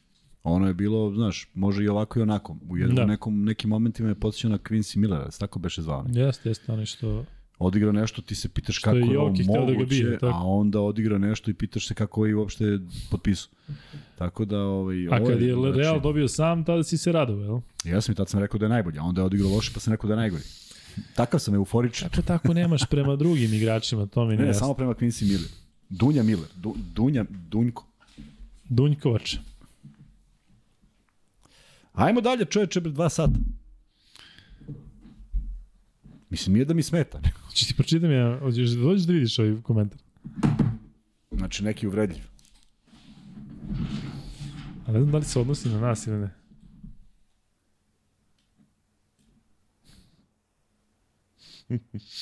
Baš dobro, a? Ne znam da se odnosi. Da, ali dobre for. E, da li ima hiljaditog lajka? Nema, 647. Dajte ljudi, Kecman čeka. E, Ko je sledeći igrač? Trifunović ćemo- 17 poena I on za 17. 0 minuta. I on 17 pojena. Pa ovi danas nezaustavljivi. Pazi, 17 Pa greška na semaforu bila. 17 poena Trifunović, 4 trojke Leso.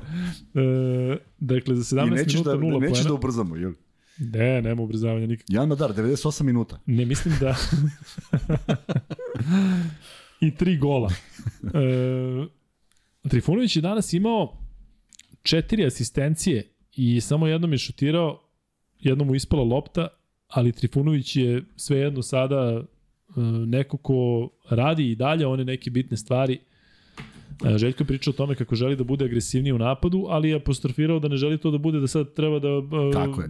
On svaku sad nešto, šutira. nešto da smisli Dakle, slušao je Željko nije. ono o čemu ti pričaš od Ne, kad postoji podcast. Neminovno sluša. To je sad jedini zaključak koji Mislim se da mu nameće. prenose, da mu prenose, ali da mu prenose onako baš... Šta prenose, čujemo se pa ja kažem šta sam rekao. Ali vidi ovo za Trifunovića. On je sad danas stvorio 8 do 12 pojena, jel tako? Tako je. Pa tu, tu je kraj svega šta on treba da radi. Da, da. A onda će neki put neko njemu to da napravi on će dati tih 8 do 12 i jednostavno samo gore dole uh, samo birati pozicije. Da je on danas bio u boljim pozicijama, on treba da uzme šut. Jer ima potpunu slobodu da uzme. Ali samo ne iz pozicije iz kojih je do skora uzimao šuteve, jer nikog neće fascinirati ako ta lopta uđe u koš. Ali dopada mi se to da jednostavno on uh, može da adaptira svoju igru uh, onako kako je ekipi potrebno. Dakle, danas je imao toliko razgranih igrača. Mislim da ne mogu i oni Papa Petru da uzmu po, po Ne može, pa 12 naravno. šutova. Tako, tako da danas je Papa Petru Šta ovaj 5, ovaj 9, ovaj 12, ovaj Tako. 18, pa to je mnogo. I mnogo mi se sviđa što je on među igračima koji e, neće da iseku sa igrača, dakle ranije jedan da trojku, pa da drugu trojku, ali sad i ovaj šutira. Ako je u boljoj poziciji igrač koji u seriji, Ma Daješ daj mu da loptu, ali vidiš toga nije bilo ranije. ide. Tako je, da vidiš dokle ide ta serija. da, da.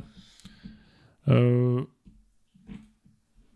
Znaš, one šale kao, pa zašto, zašto ne vučeš loptu kad ovaj istrči kontru, zašto mu baciš? Pa kaže, manje trčiš. da, da. Znaš, ne kao sad ja moram dan koš, nego manje se umaraš, daš nekome koji je u boljoj poziciji.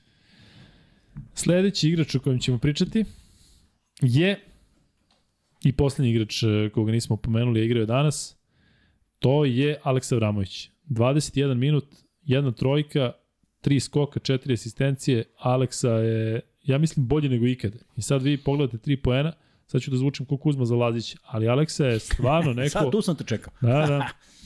Aleksa je ozbiljna glava. I ja sam brinuo prošle sezone kada je sam onako možda tražio i previše od sebe i izgore u nekim situacijama. Sada kako mu je ušla ona trojka i onaj njegov prstić, ovaj, ista je to energija, ali sada mnogo bolje usmerena i uklopljena u ono što je potrebno ekipi. Jel ti se čini da manje komunicira s publikom ove godine? Ili Pa, rekli, bi, Boj rekli, Prstić, bismo, rekli bismo znaš. uopšte. Pa nije, on je bre, pre, pričao sa gledalcima bre, kada koš. Mm, Slično je sada, ne, možda ne primećuješ, ali Ne možda nema ono, ali priče, jednostavno ne može, on je takav. I prošle godine mi je samo smetalo zato što je jednostavno tražio možda previše i od sebe i od ekipe, ali Od ove sebe, sezone... od sebe.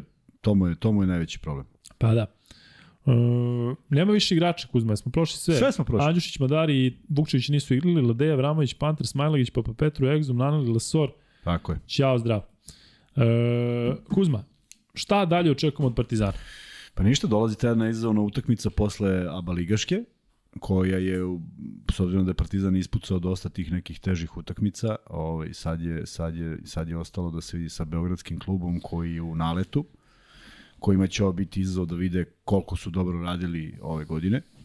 Protiv Zvezde nije to bilo loše jedno vreme, ali ne, ne konstantno. I da vide na čemu su. Zato što mi deluje da su se i tamo neke kockice poklopili ili su samo naišli lakši protivnici. Ali ovo će biti pravi test i za jedno i za druge, da ovi se malo oznoje i, i, da, i da odrade jednu dobru utakmicu, a Megi da vide gde su ti igrači i kako izgleda kad igraš sad sa, igra, sa igračima koji su na višem nivou takmičenja. Prema tome, možemo da gledamo i možda možemo da očekujemo neku interesantnu utakmicu. Naravno, Partizanu bi bilo što bolje da to bude što bezbolnije i da prođe bez nekih a, drama rezultatskih. Mislim da će na tome i insistirati. E, Tri igrača koja si pro, rekao da nisu igrali, apsolutno mogu da, da odrade veliki deo posla u toj utakmici, da budu konkurentniji za utakmicu protiv Bajerna, jer mi deluje da će Bayern a, možda zahtevati više igrača i da će biti možda više prostora za više igrača, tako da moraju da budu spremni, a ako Partizan bude ponavljao ovakve utakmice, onda možemo pričamo o nečemu što, što već postaje, postaje ustaljeno. Za sada je dobro, ali nije kraj tome koliko dobro treba da bude i vidjet ćemo protiv jednog od direktnih konkurenata, ne zato što je on sad ispod, nego zato što je to neki, neki, neki ovaj nivo ko, od kojeg Partizan mora da bude bolji, da bi, da bi želeo da u top 8 ne bude učesnik, nego da nešto i proba. A, Partizan igra taj meč protiv Mege i e, ja zaista mislim da će to biti rutinska utakmica, ali postoji velika razlika između ta dva kluba, a mislim da Partizan sebi neće dozvoliti bilo kakvo opuštanje na stranu to što zaista respektujem e, i Megu kao tim i posebno ono što rade u poslednje vreme, delo da se kod njih kao i kod Partizana jednostavno sve složilo kako treba u ovom trenutku. Znate da su dosta lutali i da je bilo dosta poteškoća ove sezone, ali mislim da nije za poređenje zaista mm, jednostavno ekipa koja ima neke drugačije ambicije, koja nema neku bazu navijača. Partizan će gostovati u tom duelu, a znamo kako će izgledati atmosfera u hali, tako da to je možda prilika za ove igrače koji nisu igli danas, da imaju nešto veću minutažu i tu očekujem po, pobedu Partizana. Ti Kuzma? Mm, Ja nikad ne očekujem, to sam ti već rekao, nadam se da mogu da odigraju ovakvu utakmicu, očekivati nešto na gostovanju opet nije realno, pogotovo što smo taj Bayern toliko puta otpisali i prošle godine u one tri utakmice u 5 dana i u onom njegovim njihovim učešćima u final u ovim u play-offu i sve, a oni uvek nekog namuče, rastane se od života ta ekipa da pobedi. Kad pogledaš na papiru ovo što si pričao i kažeš pa kako su ovi, ali eto, to je, ne znam, će igrati Lučić, nije se vratio još u Da, ne pričamo još o Bayernu, pričamo o Megi.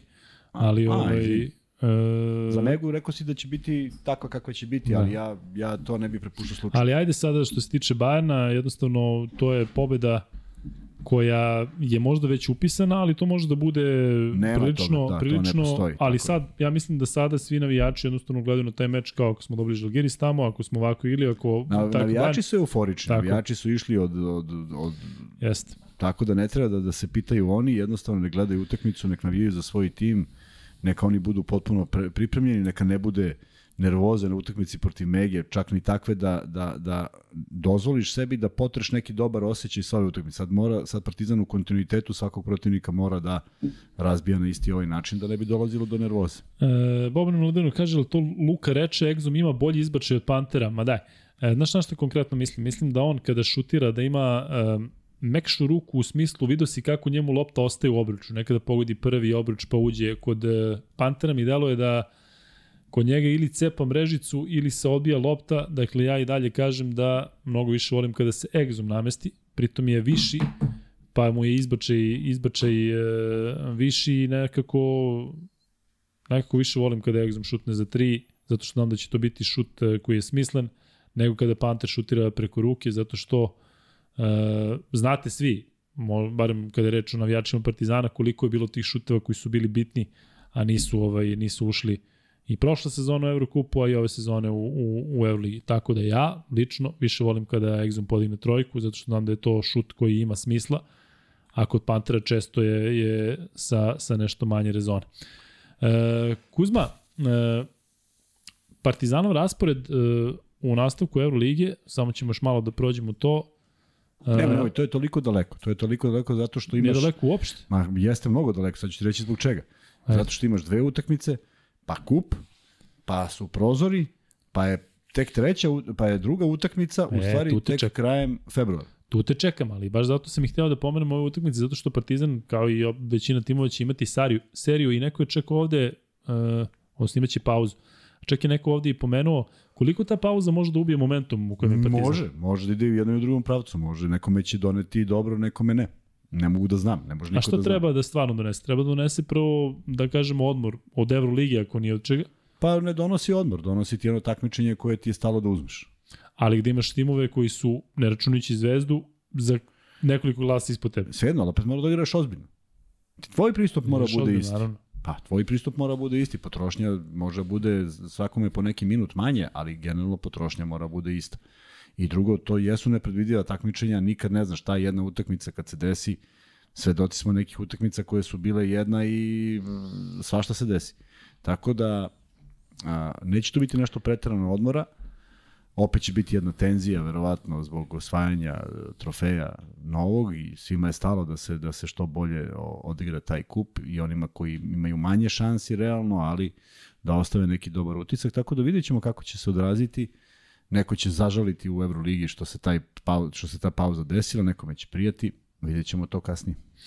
Marko Nikolić kaže, Luka, da li ja to tripom ili Panter bolje šutira preko ruku nego kad ostane sam? Jeste, on je jedan od e, tih igrača koji je navikao vjerojatno i na treningu i tako trenira e, na te šuteve i mislim da je pritisak kada takvi šuteri ostanu, da kažem, prilično sami da mora da se pogodi. Tako da ovaj, ima, ima takvih igrača, mislim da je Panter jedan od njih. E, u pravu je neko ko je rekao da je previše da se čeka 1000 lajki da je 2 u pe- 2 i 15 ujutru. Apsolutno pravu. Kako zove? E, sad ću da nađem. Moj čovek. Ja sam poslao. Da se zahvalimo DJ, Dejanu DJ. Tomoviću i Nebojši Burgiću na donacijama preko Paypal. Hvala obojici, hvala puno, dakle možete da nas podržite na taj način, to je, ajde da kažem, najlakše ako imate Paypal, eh, najdostupnije, najbrže, u smislu i čak i sa najmanjim nekim oduzimanjem, da je to je otprilike ta cifra koju pošaljete, ali tako Kuzma?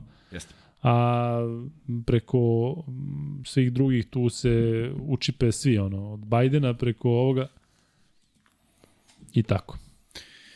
Jesi Free bet. spremio? Ajde, Za Dušna Kecmana. ajde. U kom klubu sa Novog Beograda je kratko igrao Dušan Kecman, a nije bio Petrov? Dakle, na početku svoje karijere, na početku dok je bio uh, klinac, Dušan Kecman je igrao u jednom uh, klubu na Novom Beogradu, nije bio Petrol i ko prvi napiše koji je, dobit će drugi free bet. E, mogu ja sad nešto da pričam? Nije IMT, kažem, IMT je bio Petrol, tako, Kuzma. IMT je Jeste. Da, ne. Nije MT, mislim, rekao sam da, da, da pre toga. Beobanka ne, Hemofarm ne. Tačno sam znao da ljudi neće znati. Eto ti. A, a jesi mene kinjao juče za ono kao, šta si pitao? Ja sad Ne, čitaš, ne, je- šta sve pišu. Ovo je teško pitanje, ono tvoje ne znaš ni ti odgovor. Pa, Pa, ne znam, ja znam sve odgovore. Beobanka, FNP, Zvezda nije, KK Pirot nije, Beo Petrol nije. Jao ljudi, dajte da, možda ću morati da vam pomognem. Vanja, gledaj ti, pusti sad ovaj to. Ne, nastavimo dalje, čoveče. 2,50. Ajde, nastavi. Šta si? Da, teo sam da kažem da se u ovom kolu desila jedna izuzetno bizarna situacija. Prelazimo na druge ove Timo, Ne, ne, pričamo i dalje o Partizanu, pa prelazimo na drugi. Moramo pređemo u nekom momentu 2 i ja bih pričao još o 2 i Partizanu. 21. Pa ti ostani posle s Vanjom. Hoću. Ne svanjim. Vanja kao samo ostavi live stream Nego- i pričam ja u kameru. Potpuno bizarna situacija, a ko je gledao znači o čemu pričam. Dakle, završnica utakmice Real Madrid Monako. Dobro. I čovek ispod koša zabija svi na njega i on daje savršen pas Alfi i Omegi Kapi. Monaka na trojici čovek potpuno sam. Ovaj Nigde nikoga nema. Ko je primio pas? Znači, Dakle, u tom trenutku James rešava da doda. Pazi, onog kad je pogodila lopta, ja mislim da, da je on pomislio da su ga oteli vanzemaljci, jer je veća šansa da se to desi, ili neki grom da ga udari ili Da. nešto, nego da mu James sam kao duh na liniji za tri poena da doda loptu. Ja nemam objašnjenja za to. Da ne reši utakmicu protiv Reala, a to rešava utakmicu. Mislim, rešilo i ovako, samo u nekom drugom pravcu. Je potpuno neverovatno. I to se desi kad ne navikneš, kad navikneš svoje saigrače da ne dodaje, da ne dodaješ loptu. Onda se niko i ne nada da je dobio. Čovjek je bio iz, ne iznenađen, malo je reći iznenađen. A James je bio u fazonu, jel moguće kao da nisi uhvatio, i kao gde si krenuo, taj, taj izraz lica, gde je krenuo čovjek koji nije dobio pas od njega 7 godina prošlih. Niko nije odgovorio tačno na free bet, imamo milion opcija, moram malo da pomognem. Dakle, klub je sa, prvo slovo je P, a nije pobednik, nije profi Pirot, pa ti color. napisao Pirot. Jeste, napisali si Pirot, jeste, dan. Prvo slovo je P, pa ću možda morati da pomognem još malo. E, Daj Kuzma, sedmo i deveto je. I uzmite svi olovke i papir i stavite da igramo vešanje, vešanje da igramo. Igramo E, vešanje. Kuzma, nastavi dalje ovim utakmicama, ali imaš još nešto da prokomentarišeš e. Monaco Real? Ili imaš tu nešto da se ne, držiš? Ne, e, To da, imam, imam, imam. Gledali su s njim, ja, se, ja sam gledao malo preskakao, pa sam se vratio u tu završnicu i onda sam se uključio tačno kada sudije gledaju da li je Tavares izbacio loptu u auto. I to je trajalo jedno tri minuta. A snimak je toliko čist da ne postoji uopšte nikakva pretpostavka da je bilo ko dirnuo loptu. I to je trajalo. I trajalo. I trajalo. I da, onda su doneli odluku koju su mogli da donesu i da, i da nisu gledali snimak. E, tako da mi je to ostalo onako najupečatljivije i neki izbor ideja, ideja na samom kraju i ljulj koji promašuje bacanje, to sve redko dešava, ali desilo se i u svakom slučaju Real zasluženo triumfovo i eto najavio da su, da su definitivno naj, najozbiljniji tim. S obzirom da su pobedili u utakmici sa mnogo poena, nešto što više odgovara po, po koncepciji ekipe uh, Monaku, međutim opet ovaj, pokazuje se da su da je kraljevski klub ipak ozbiljan favorit. Ili neko odgovorio? Jeste, Nemanja Sertić je napisao KK Play 011, ali nije tačno, to potpuno KK Playmaker je pravo ime, Nemanja Sertlić je u stvari posle to samo dodao, dakle KK Playmaker je klub gde je igrao Dušan Kecman kratko, pre nego što je nastavio dalje i e, to je tim koji su držali Miša Đorđević, Sašin brat i mislim da je i Bata bio uključen kao neki savjetnik. Tako da, jeste, to je taj e, tim, tako da, Borazaru, svaka ti čast, šalješ na e, lukikuzme.gmail.com Kuzma, dalje, me, dalje mečevi koji su odigrani ove večeri, Fenerbahče Alba 101-86, Alba ne da je Kanta, nego je Kanturina, neko je već to napisao, Fenerbahče je ovde, ja mislim, onako sebi baš podigao samopouzdanje, da ubaci stotku, do duše to je lično na prvi meč, Fenerbahče je tamo dobio ubedljivije 104-75, Ništa se nije mnogo promenilo. Tako ali najlakši protivnik i napokon neki protivnik kojeg oni mogu da savladaju s obzirom da baš ništa ne ide. Da i sada nije išlo, zaista bi bilo ozbiljno, ozbiljna turbulencija, ali ovako vraćaju se u kakav takav ritam. Olimpijakos Efes 76-70, e, to je e, možda i pravi odnos snaga ekipe Jest, koja je tako je. trenutno Tako je. onako baš u Dominira. baš baš igra baš lepo, igra dobro, igraju, svi su raspoloženi, neko je tu napravio neki čudovišni rekord. Kako se zove? La, Lackis, Lakis. Sedam nekih skokova i neke tri trojke. I Kalicakis? Ma ne, neki tu. Možda jeste. Kalicakis. Lundis, Loje, taj. Da. Larenzakis. Ne znam koji. Uje. Bila slika. Ja. Mislim da je iz Olimpijakos. Ovaj tako da da, upravo si odnos snaga i neka utakmica koja je ovaj nagoveštavala da da da tu snagu Olimpijakosa gledao sam naravno momente, pošto ne može sve da se gleda, a neke nisu ni mogli da se premotaju i nažalost nisam mogao da premotam ovaj, Baskonija Panatenikos, ali sam dobio, nek mi ne zameri od koga, dobio sam čitav snimak svega što se dešavalo. I to je Izvini, Vanček, možeš da proveriš samo da li je Vladidov Dave odgovorio prvi, a? Samo barati pažnju, ovde, ovde pišu svi da je on odgovorio. Nemanja Sertlić, je tako? Šta da je... Evo, piše i Cordelo Cordelo, kaže Kuzma Luka, Vladidov Dave je dao prvi tačan odgovor na pitanje, proverite slobodno chat, meni je on prvi. Možda i njemu prvi, ali ti proveri da li je, molim te, on uh, to i vidimo se negde oko 3.15. Izvini, Vanček, ali šta da radiš? Nikola. Ivković kaže, a ni reči o Polonari, Ma ne, pa taj ne zaslužuje. o mom Da. omiljenom igraču. Elem, Šta kažem nagradu, nagradu bizar, bizarnosti u Euroligi što sudija tiče, nosi meč Baskonija Panathinaikos. Si gledao? Nisam, ali znam da si rekao da nećemo pričamo o studi, sudijama, pa zato. A, onda ništa. Mm, Kaži, nisam, nisam gledao, pa gde da gledam? Znači, Partizan gledam A ovo uporedo ne može sa ni ovim se premota radim. što je najgore, znaš? Nemoguće, a? Pa da, zašto je na 100, ne znam, 17, 19, 16, nešto što ne može se premota. Dobro. I, Elem, šta kažeš?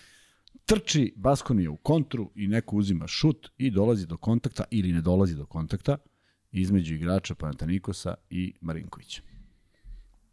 I Marinković izleće kao iz puške, pada, lomi se, kotrlja se, udara u, onu, u konstrukciju, sudije se ne oglašavaju. Ništa. Kontra Panatanikosa, Bacon se namestio dobro, pošto je bio ako se neko seća Prekovića iz Beobanke, koliko je on sporo šut... E, tako je ovo imao svo vreme sveta da šutne. I šutira i pogađa i sudije počinju da veće. I to Da, da. traje. I onda prilaze Radonjiću. Ja mislim da on ništa, ništa neverovatnije nije čuo u životu. Možda nije razumeo ako je na nekom engleskom. Razumeo je sigurno. Jer poništavaju koš, a onda, koliko sam razumeo, ni ne sude nameran faul, nego faul. I koš ne važi. Da, da, jeste. Vidio sam, to je bilo pri rezultatu 83, 72 i onda Tako je. 75 i vidim vraćaju i gledam šta i čujem Tako je. Ica iz susne kabine kaže poništena trojka Bacona. Evo, Vladidov Dave je odgovorio u 2 i, 20, 2 i 24. Ovo je Dobro. odgovorio u 2 i 23 Nemanja Serotlić. Eto. Eto, Ne verite, vrlo Vanju. Banovaćeva sve, dakle, Znači, jer to je pola tri ujutru. I sad mi Nemanja da. poslao i šta ja sad njemu da kažem? Nemanja je dobro. Nemanja je dobro. Kako treba, A, da. Nemanja je dobro. No, on je u Da, da. 2 i 23 napisao, on je napisao u 2 i 24, ne znam šta je problem. Ne veri se, Pa ne znam ja biće, šta je biće problem. sve okej. Tako da, ovaj, a, sad, znaš, ide se i pričamo stalno neka teorija zavere koga tu nešto gura, to je apsolutno, nikad nisam vidio da je poništen koš. Kaži mi razliku, razliku kasnije da je poništena Mirotićeva trojka. Kaži mi razliku u odnosu na ovo što smo gledali. Samo zato što je živa utakmica. Pa čekaj, isto si gledao snimak. Nisi to video. Što se tebe kao sudije tiče, ta utakmica je tekla. I ovaj čovjek je dao koš, ti nisi prekinuo igru. Mogo si možda da duniš da iš da li se ovaj povredio. I da im prekineš kontru. Ali mislim da je to bilo, dakle, odluka na, na licu mesta sudije koji nije sigurno pravilo. E? Dakle, da li misliš da je to pravilo koje postoji negde, crno na belo, ili on odreagovao tako u trenutku, e, ajde sad ovo, Ajde pa ga onda ovo ne može. šta? Tako. Pa ne znam. Jer vidi, ja kad sam pričao o onome da je, da je ovaj, da mi neko objasni zašto je poništen koš, uh, zašto nije priznat koš ovoga Ilića. Javio se stvarno jedan momak i iskenirao, verovatno iskopirao pravilnik. Lopta u visini table i frkitik. Znači, Visini. kaže, ako cela lopta obimom nije prešla iznad, ko je smislio to pravilo? To je ono što je pitanje. Dobro, ali ima pravilo. Šta da radimo sad? Aj vidi sad ovako, novo pravilo sledeće godine može da glasi, ako lopta ne udari u, u kvadrat, onda možeš da odbiješ od tablu.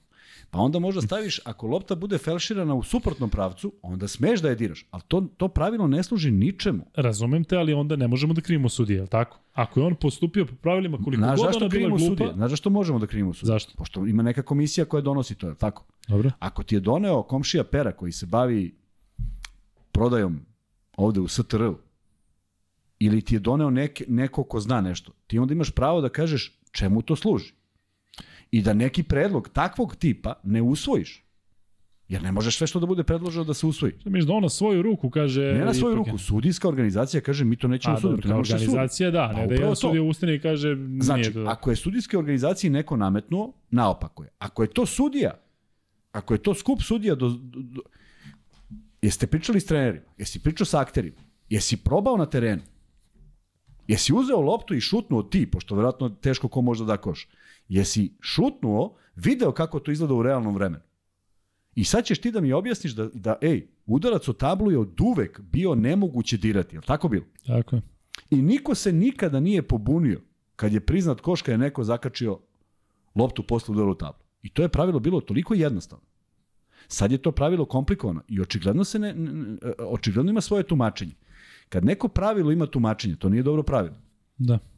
Znači on je sad oštrim okom, pošto na, na onom kad gledaju snimak, on je oštrim okom video tačno da ta lopta nije bila iznad nivoa obruča. Kako, bravo? Možda su Sočiva ima takva da Pa ne, ali kako? prati. A kako, a, video, a kako nisi video ovaj faul nad, nad Marinkovićem ako je uopšte bio? Pa skinu, ispalo mu Soči. Pa to je možda zbog toga. Možda ja bez veze se ne želim. Jeste, bez veze. Ali slušaj sad ovo, imam ja pitanje za tebe.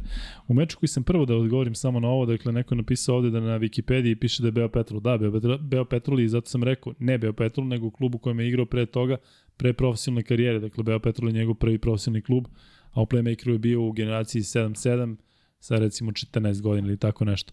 E, Kuzma, slušaj sad dobro ovu situaciju. Meč Virtus Asvel. Da, I pa prvo znam je šta se neko, desilo, pa da. na šta misliš konkretno? Pa na faul, na šest penala. Tako je, pet penala. Pa to. Ali ovde neko e, pitao da li je bio faul na Belinelli u uh, Belinellija namera, ne svi to. Ne. Kad je udario, okrenuo na loptu, nit blizu lopte i udarao ovako u lice A, uh, imam posle još jedno. Dekolo. Da, dobro. i kaže Javor, slušaš ga, priča sa onom Vasilikice rukom i kaže išao, izbio loptu, nema veze sa izbijenom loptu. Dakle, gleda snimak i kaže da, izbio loptu, pa je ovaj kao odreagovao previše, pa kao ne, normalni je faul. Čist nameran faul, dakle, e, mnogo manje e, ozbiljni kontakti kada se izbija lopta od pozadi Su su, kao namerni. A pritom Skariolo dobija tehničku pre toga, pre gledanja snimka kao zašto ćete gledate snimak i mislim da je čista kompenzacija, ajde kad smo Skariolo dao tehničku, još treba dva je nešto penale drugo. se. Upravo ti kažem, radi se na kompenzaciji, oni to Tako je. Ali najgora stvar od svega je ovo što si rekao. Dakle, igrač Ismail Bako napravi pet faulova i ostane u igri. I ne vide sudije, ne vide na zapisničkom stolu. Javor kaže, 69. priđe i kaže, zašto nam niste rekli? Sa zapisničkog stola i sad ovi tamo, znaš, prebacuju jedni na druge, pa kao ovaj nije Je rekao, ne oni tamo se... Eto. Ali, ovaj, kao, pa što nam niste kao rekli? Jer sudija treba da prati koliko ko ima faula. Ako ga nisu upisali, Ne, onda upisano, peti na Upisano. semaforu, I sve. je li trubilo? Nije.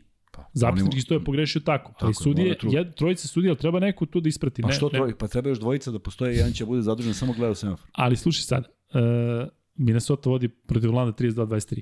Uh, dakle, Bako je isključen, Bako je dobio pet faulova. Ostao u igri. Nastavlja se. Na Di Bostu je faul. Onda Parker kaže, pa ovo ima pet faulova, treba da izađe. Jel treba da se poništi faul na Di Bostu ako se vodimo ovim od malo pre? Dakle, Da, da, nepostojeći čovjek je napravio faul. tako je. Dakle, onda Taj sve, ne postoji, sve, sve, se gasi, ponavlja se utakmica. Pa tako? Pa ne znam. Pa je ne, ali je situacija. Ovo, ovo su vratili, Bacon dao trojku, ne važi se trojka pošto je bilo Ne važi se onda ovog. ni ovaj faul. Važi, bio je faul, Vrati, ovaj ima čovjek. vratite vremene, ne važi se faul. Pazi, ista situacija, nešto se desilo, bila je neka greška, posle toga ne bi trebalo da se važi ništa. Dakle, ne važi Tako, trojka Što Bacona. ovde važi? Pa zašto oni to tumače? Svako Pa tumači. tu nema, tu neko po- je povredio, tu ako postoji neko pravilo, tu se Ali neko zajedno. kažem, oni su napravili očigledno pravila koje mogu da se tumače i ovako i onako. To Da. nije pravilo. Ne možeš ga tumačiš. To ti je smernica. Upravo, tako deluje. Kao, možeš ti ovo, možeš i ono.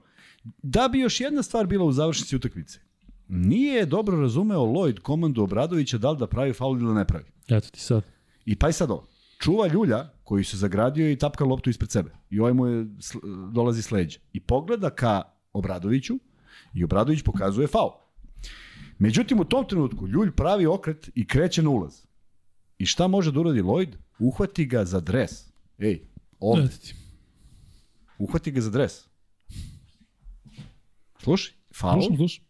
I ovaj pokaže hoću challenge.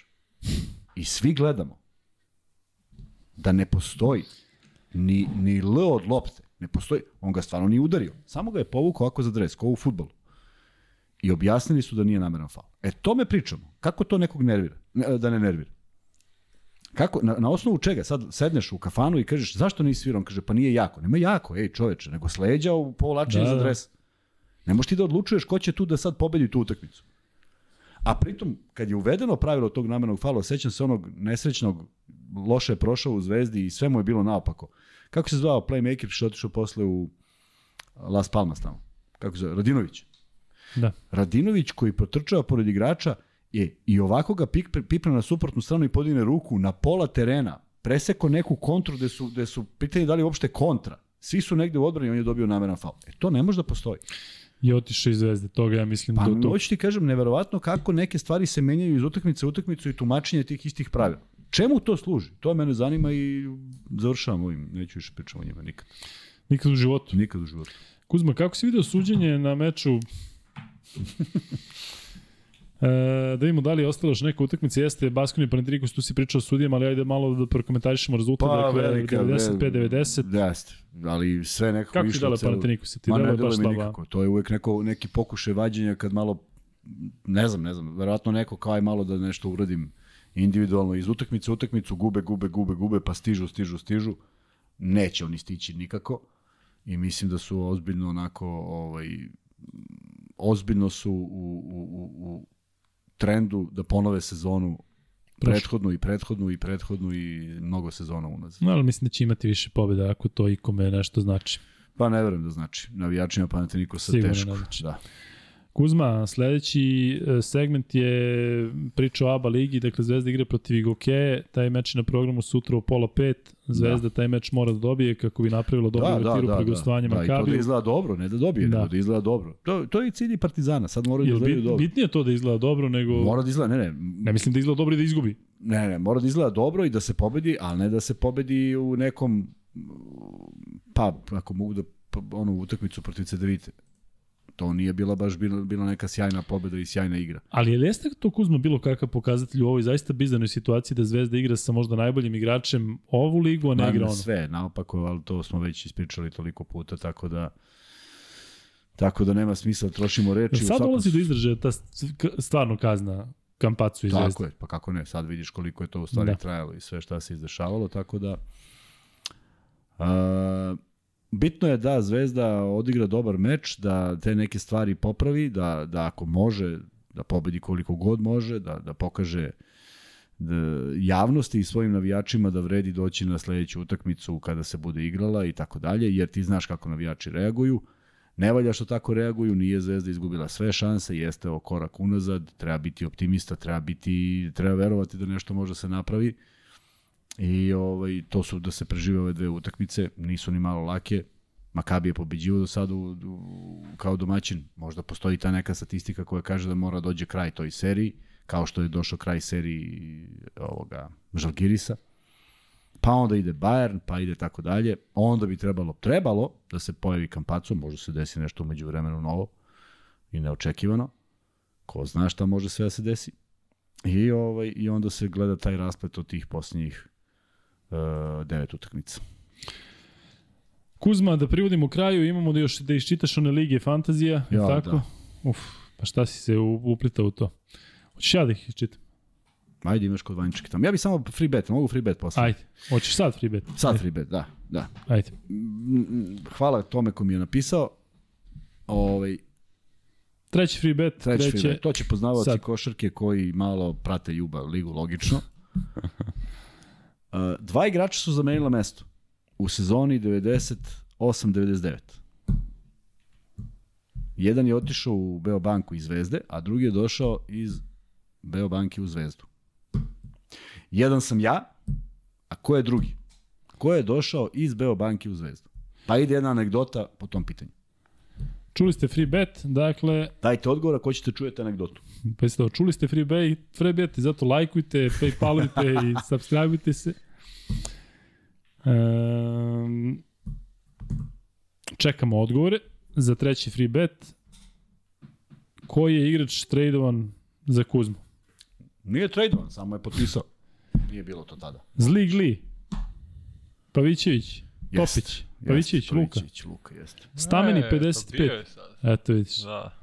Jel pričao o tome? Nije. Nije, Nije, nije. rekao anegdotu. Stameni 55, šalješ na luka i kuzme.gmail.com, a Kuzmina anegdota kreće sada, pošto ću ja da čitam one fantasy lige, idem da popijem malo vode, dok Kuzma priča o, o anegdoti. Gde ćeš da čovječe? Idem A da čuješ anegdotu, nemoj ideš. Ne čujem ja odande sve, a ti A, samo pričaj u kameru lakše. Evo ti voda.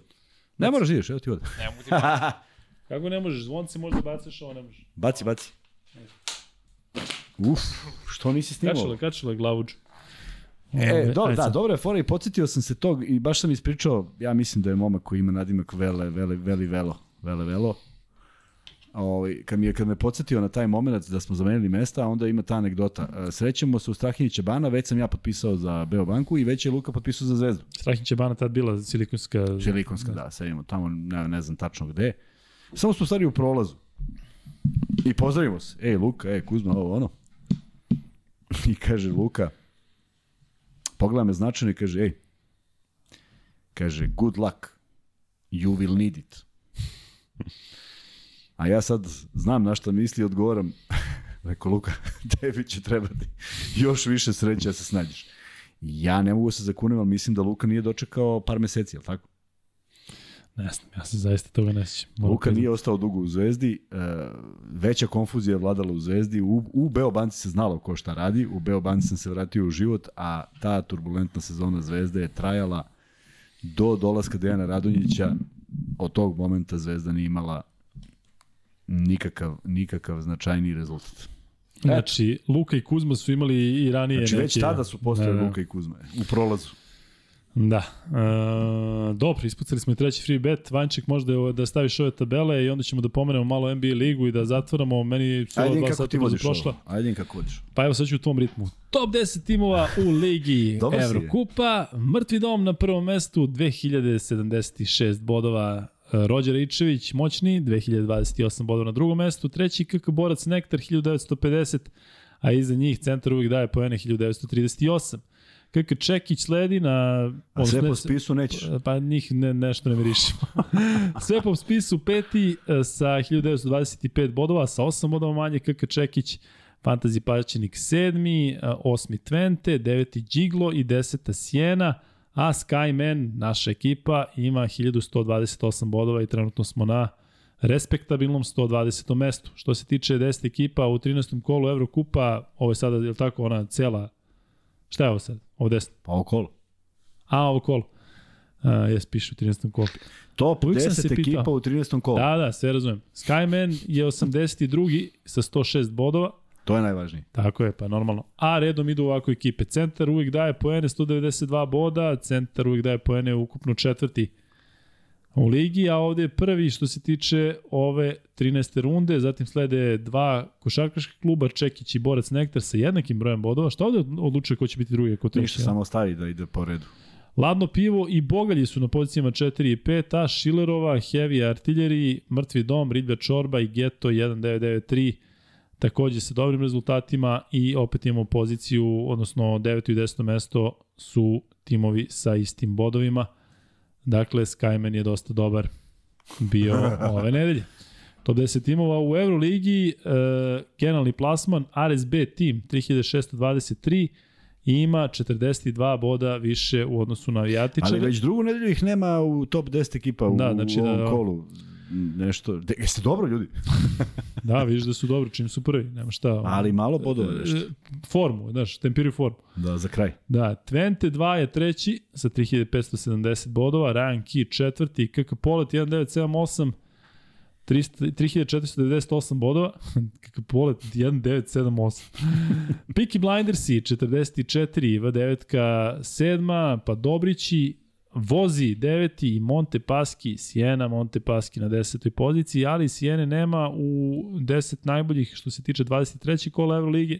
Mina Milutinović e, je prva, 171 bod, samo bod više od tri naredna tima, Pana Vežis, Litvanci, litvanska i Paja. ekipa. Pa ovo Čanak je, mislim da je njegov tim. Čanak igra 100%. Twente 2 je bio odličan i u ovom kolu, kao i Ali bilo mu je glupo se zove Letka Belis. Yes.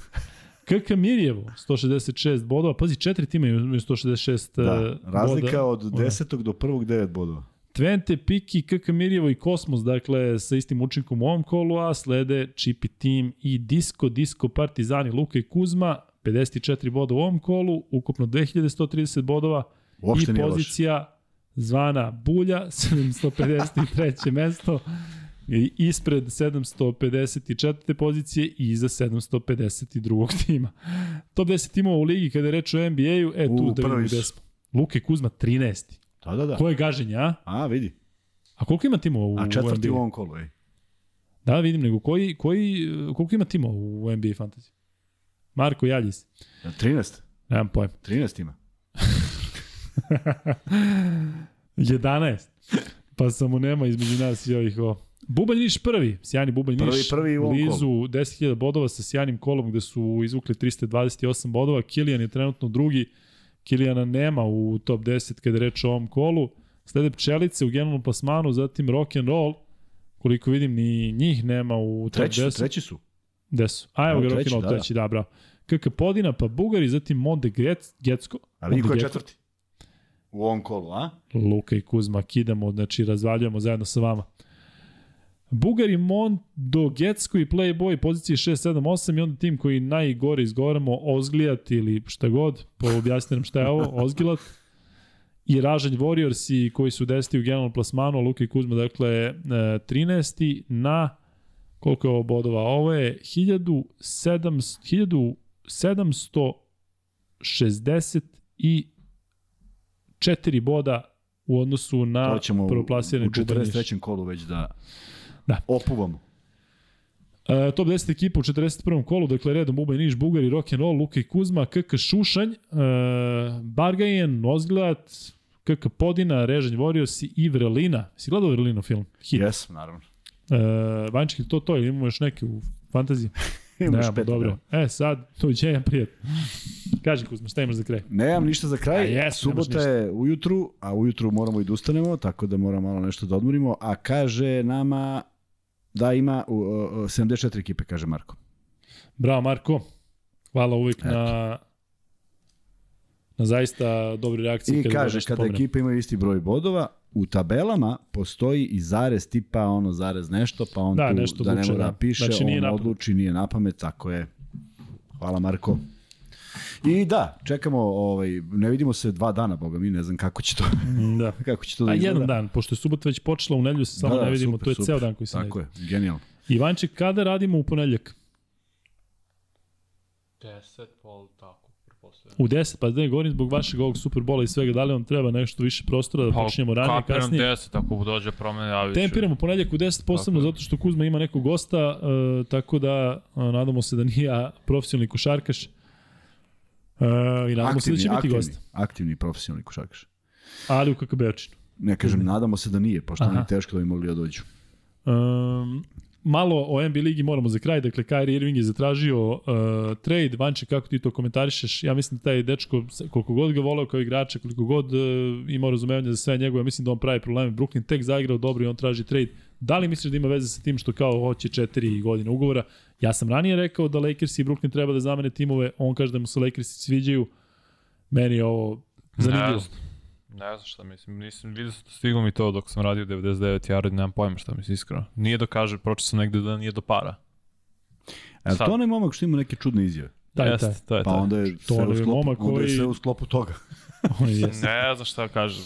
Kuzma kaže da Toni momak što ima čudne izjave, ovaj najbolji košarkaš svih vremena na poziciji play. Ko? Kyrie Irving. Pa jedan od. Pa je onaj što misli da je zemlja ravna. Taj, i što Pa Onda tamo kažem, u kadi, sklopu, u kadi, sklopu sa tom glavom je i takva odluka. i što je nešto Što ti tražiš sad neku logiku?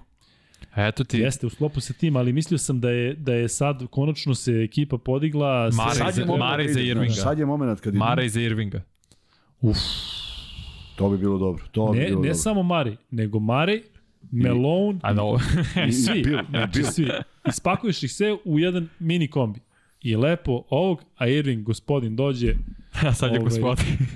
Pa zamisli, zamisli Kyrie Irving i Nikola Jokić. Što si mi to rekao? Sad ću da, da, da upadnem u depresiju ako ode u Ako Lakers. se ne desi. Ali vidio si četiri tima koje on kao uh, Merka, Lakersi, Sansi, Heat Nije i Suns. Mavs. Da, Slobodno. Da, da, 100%. da.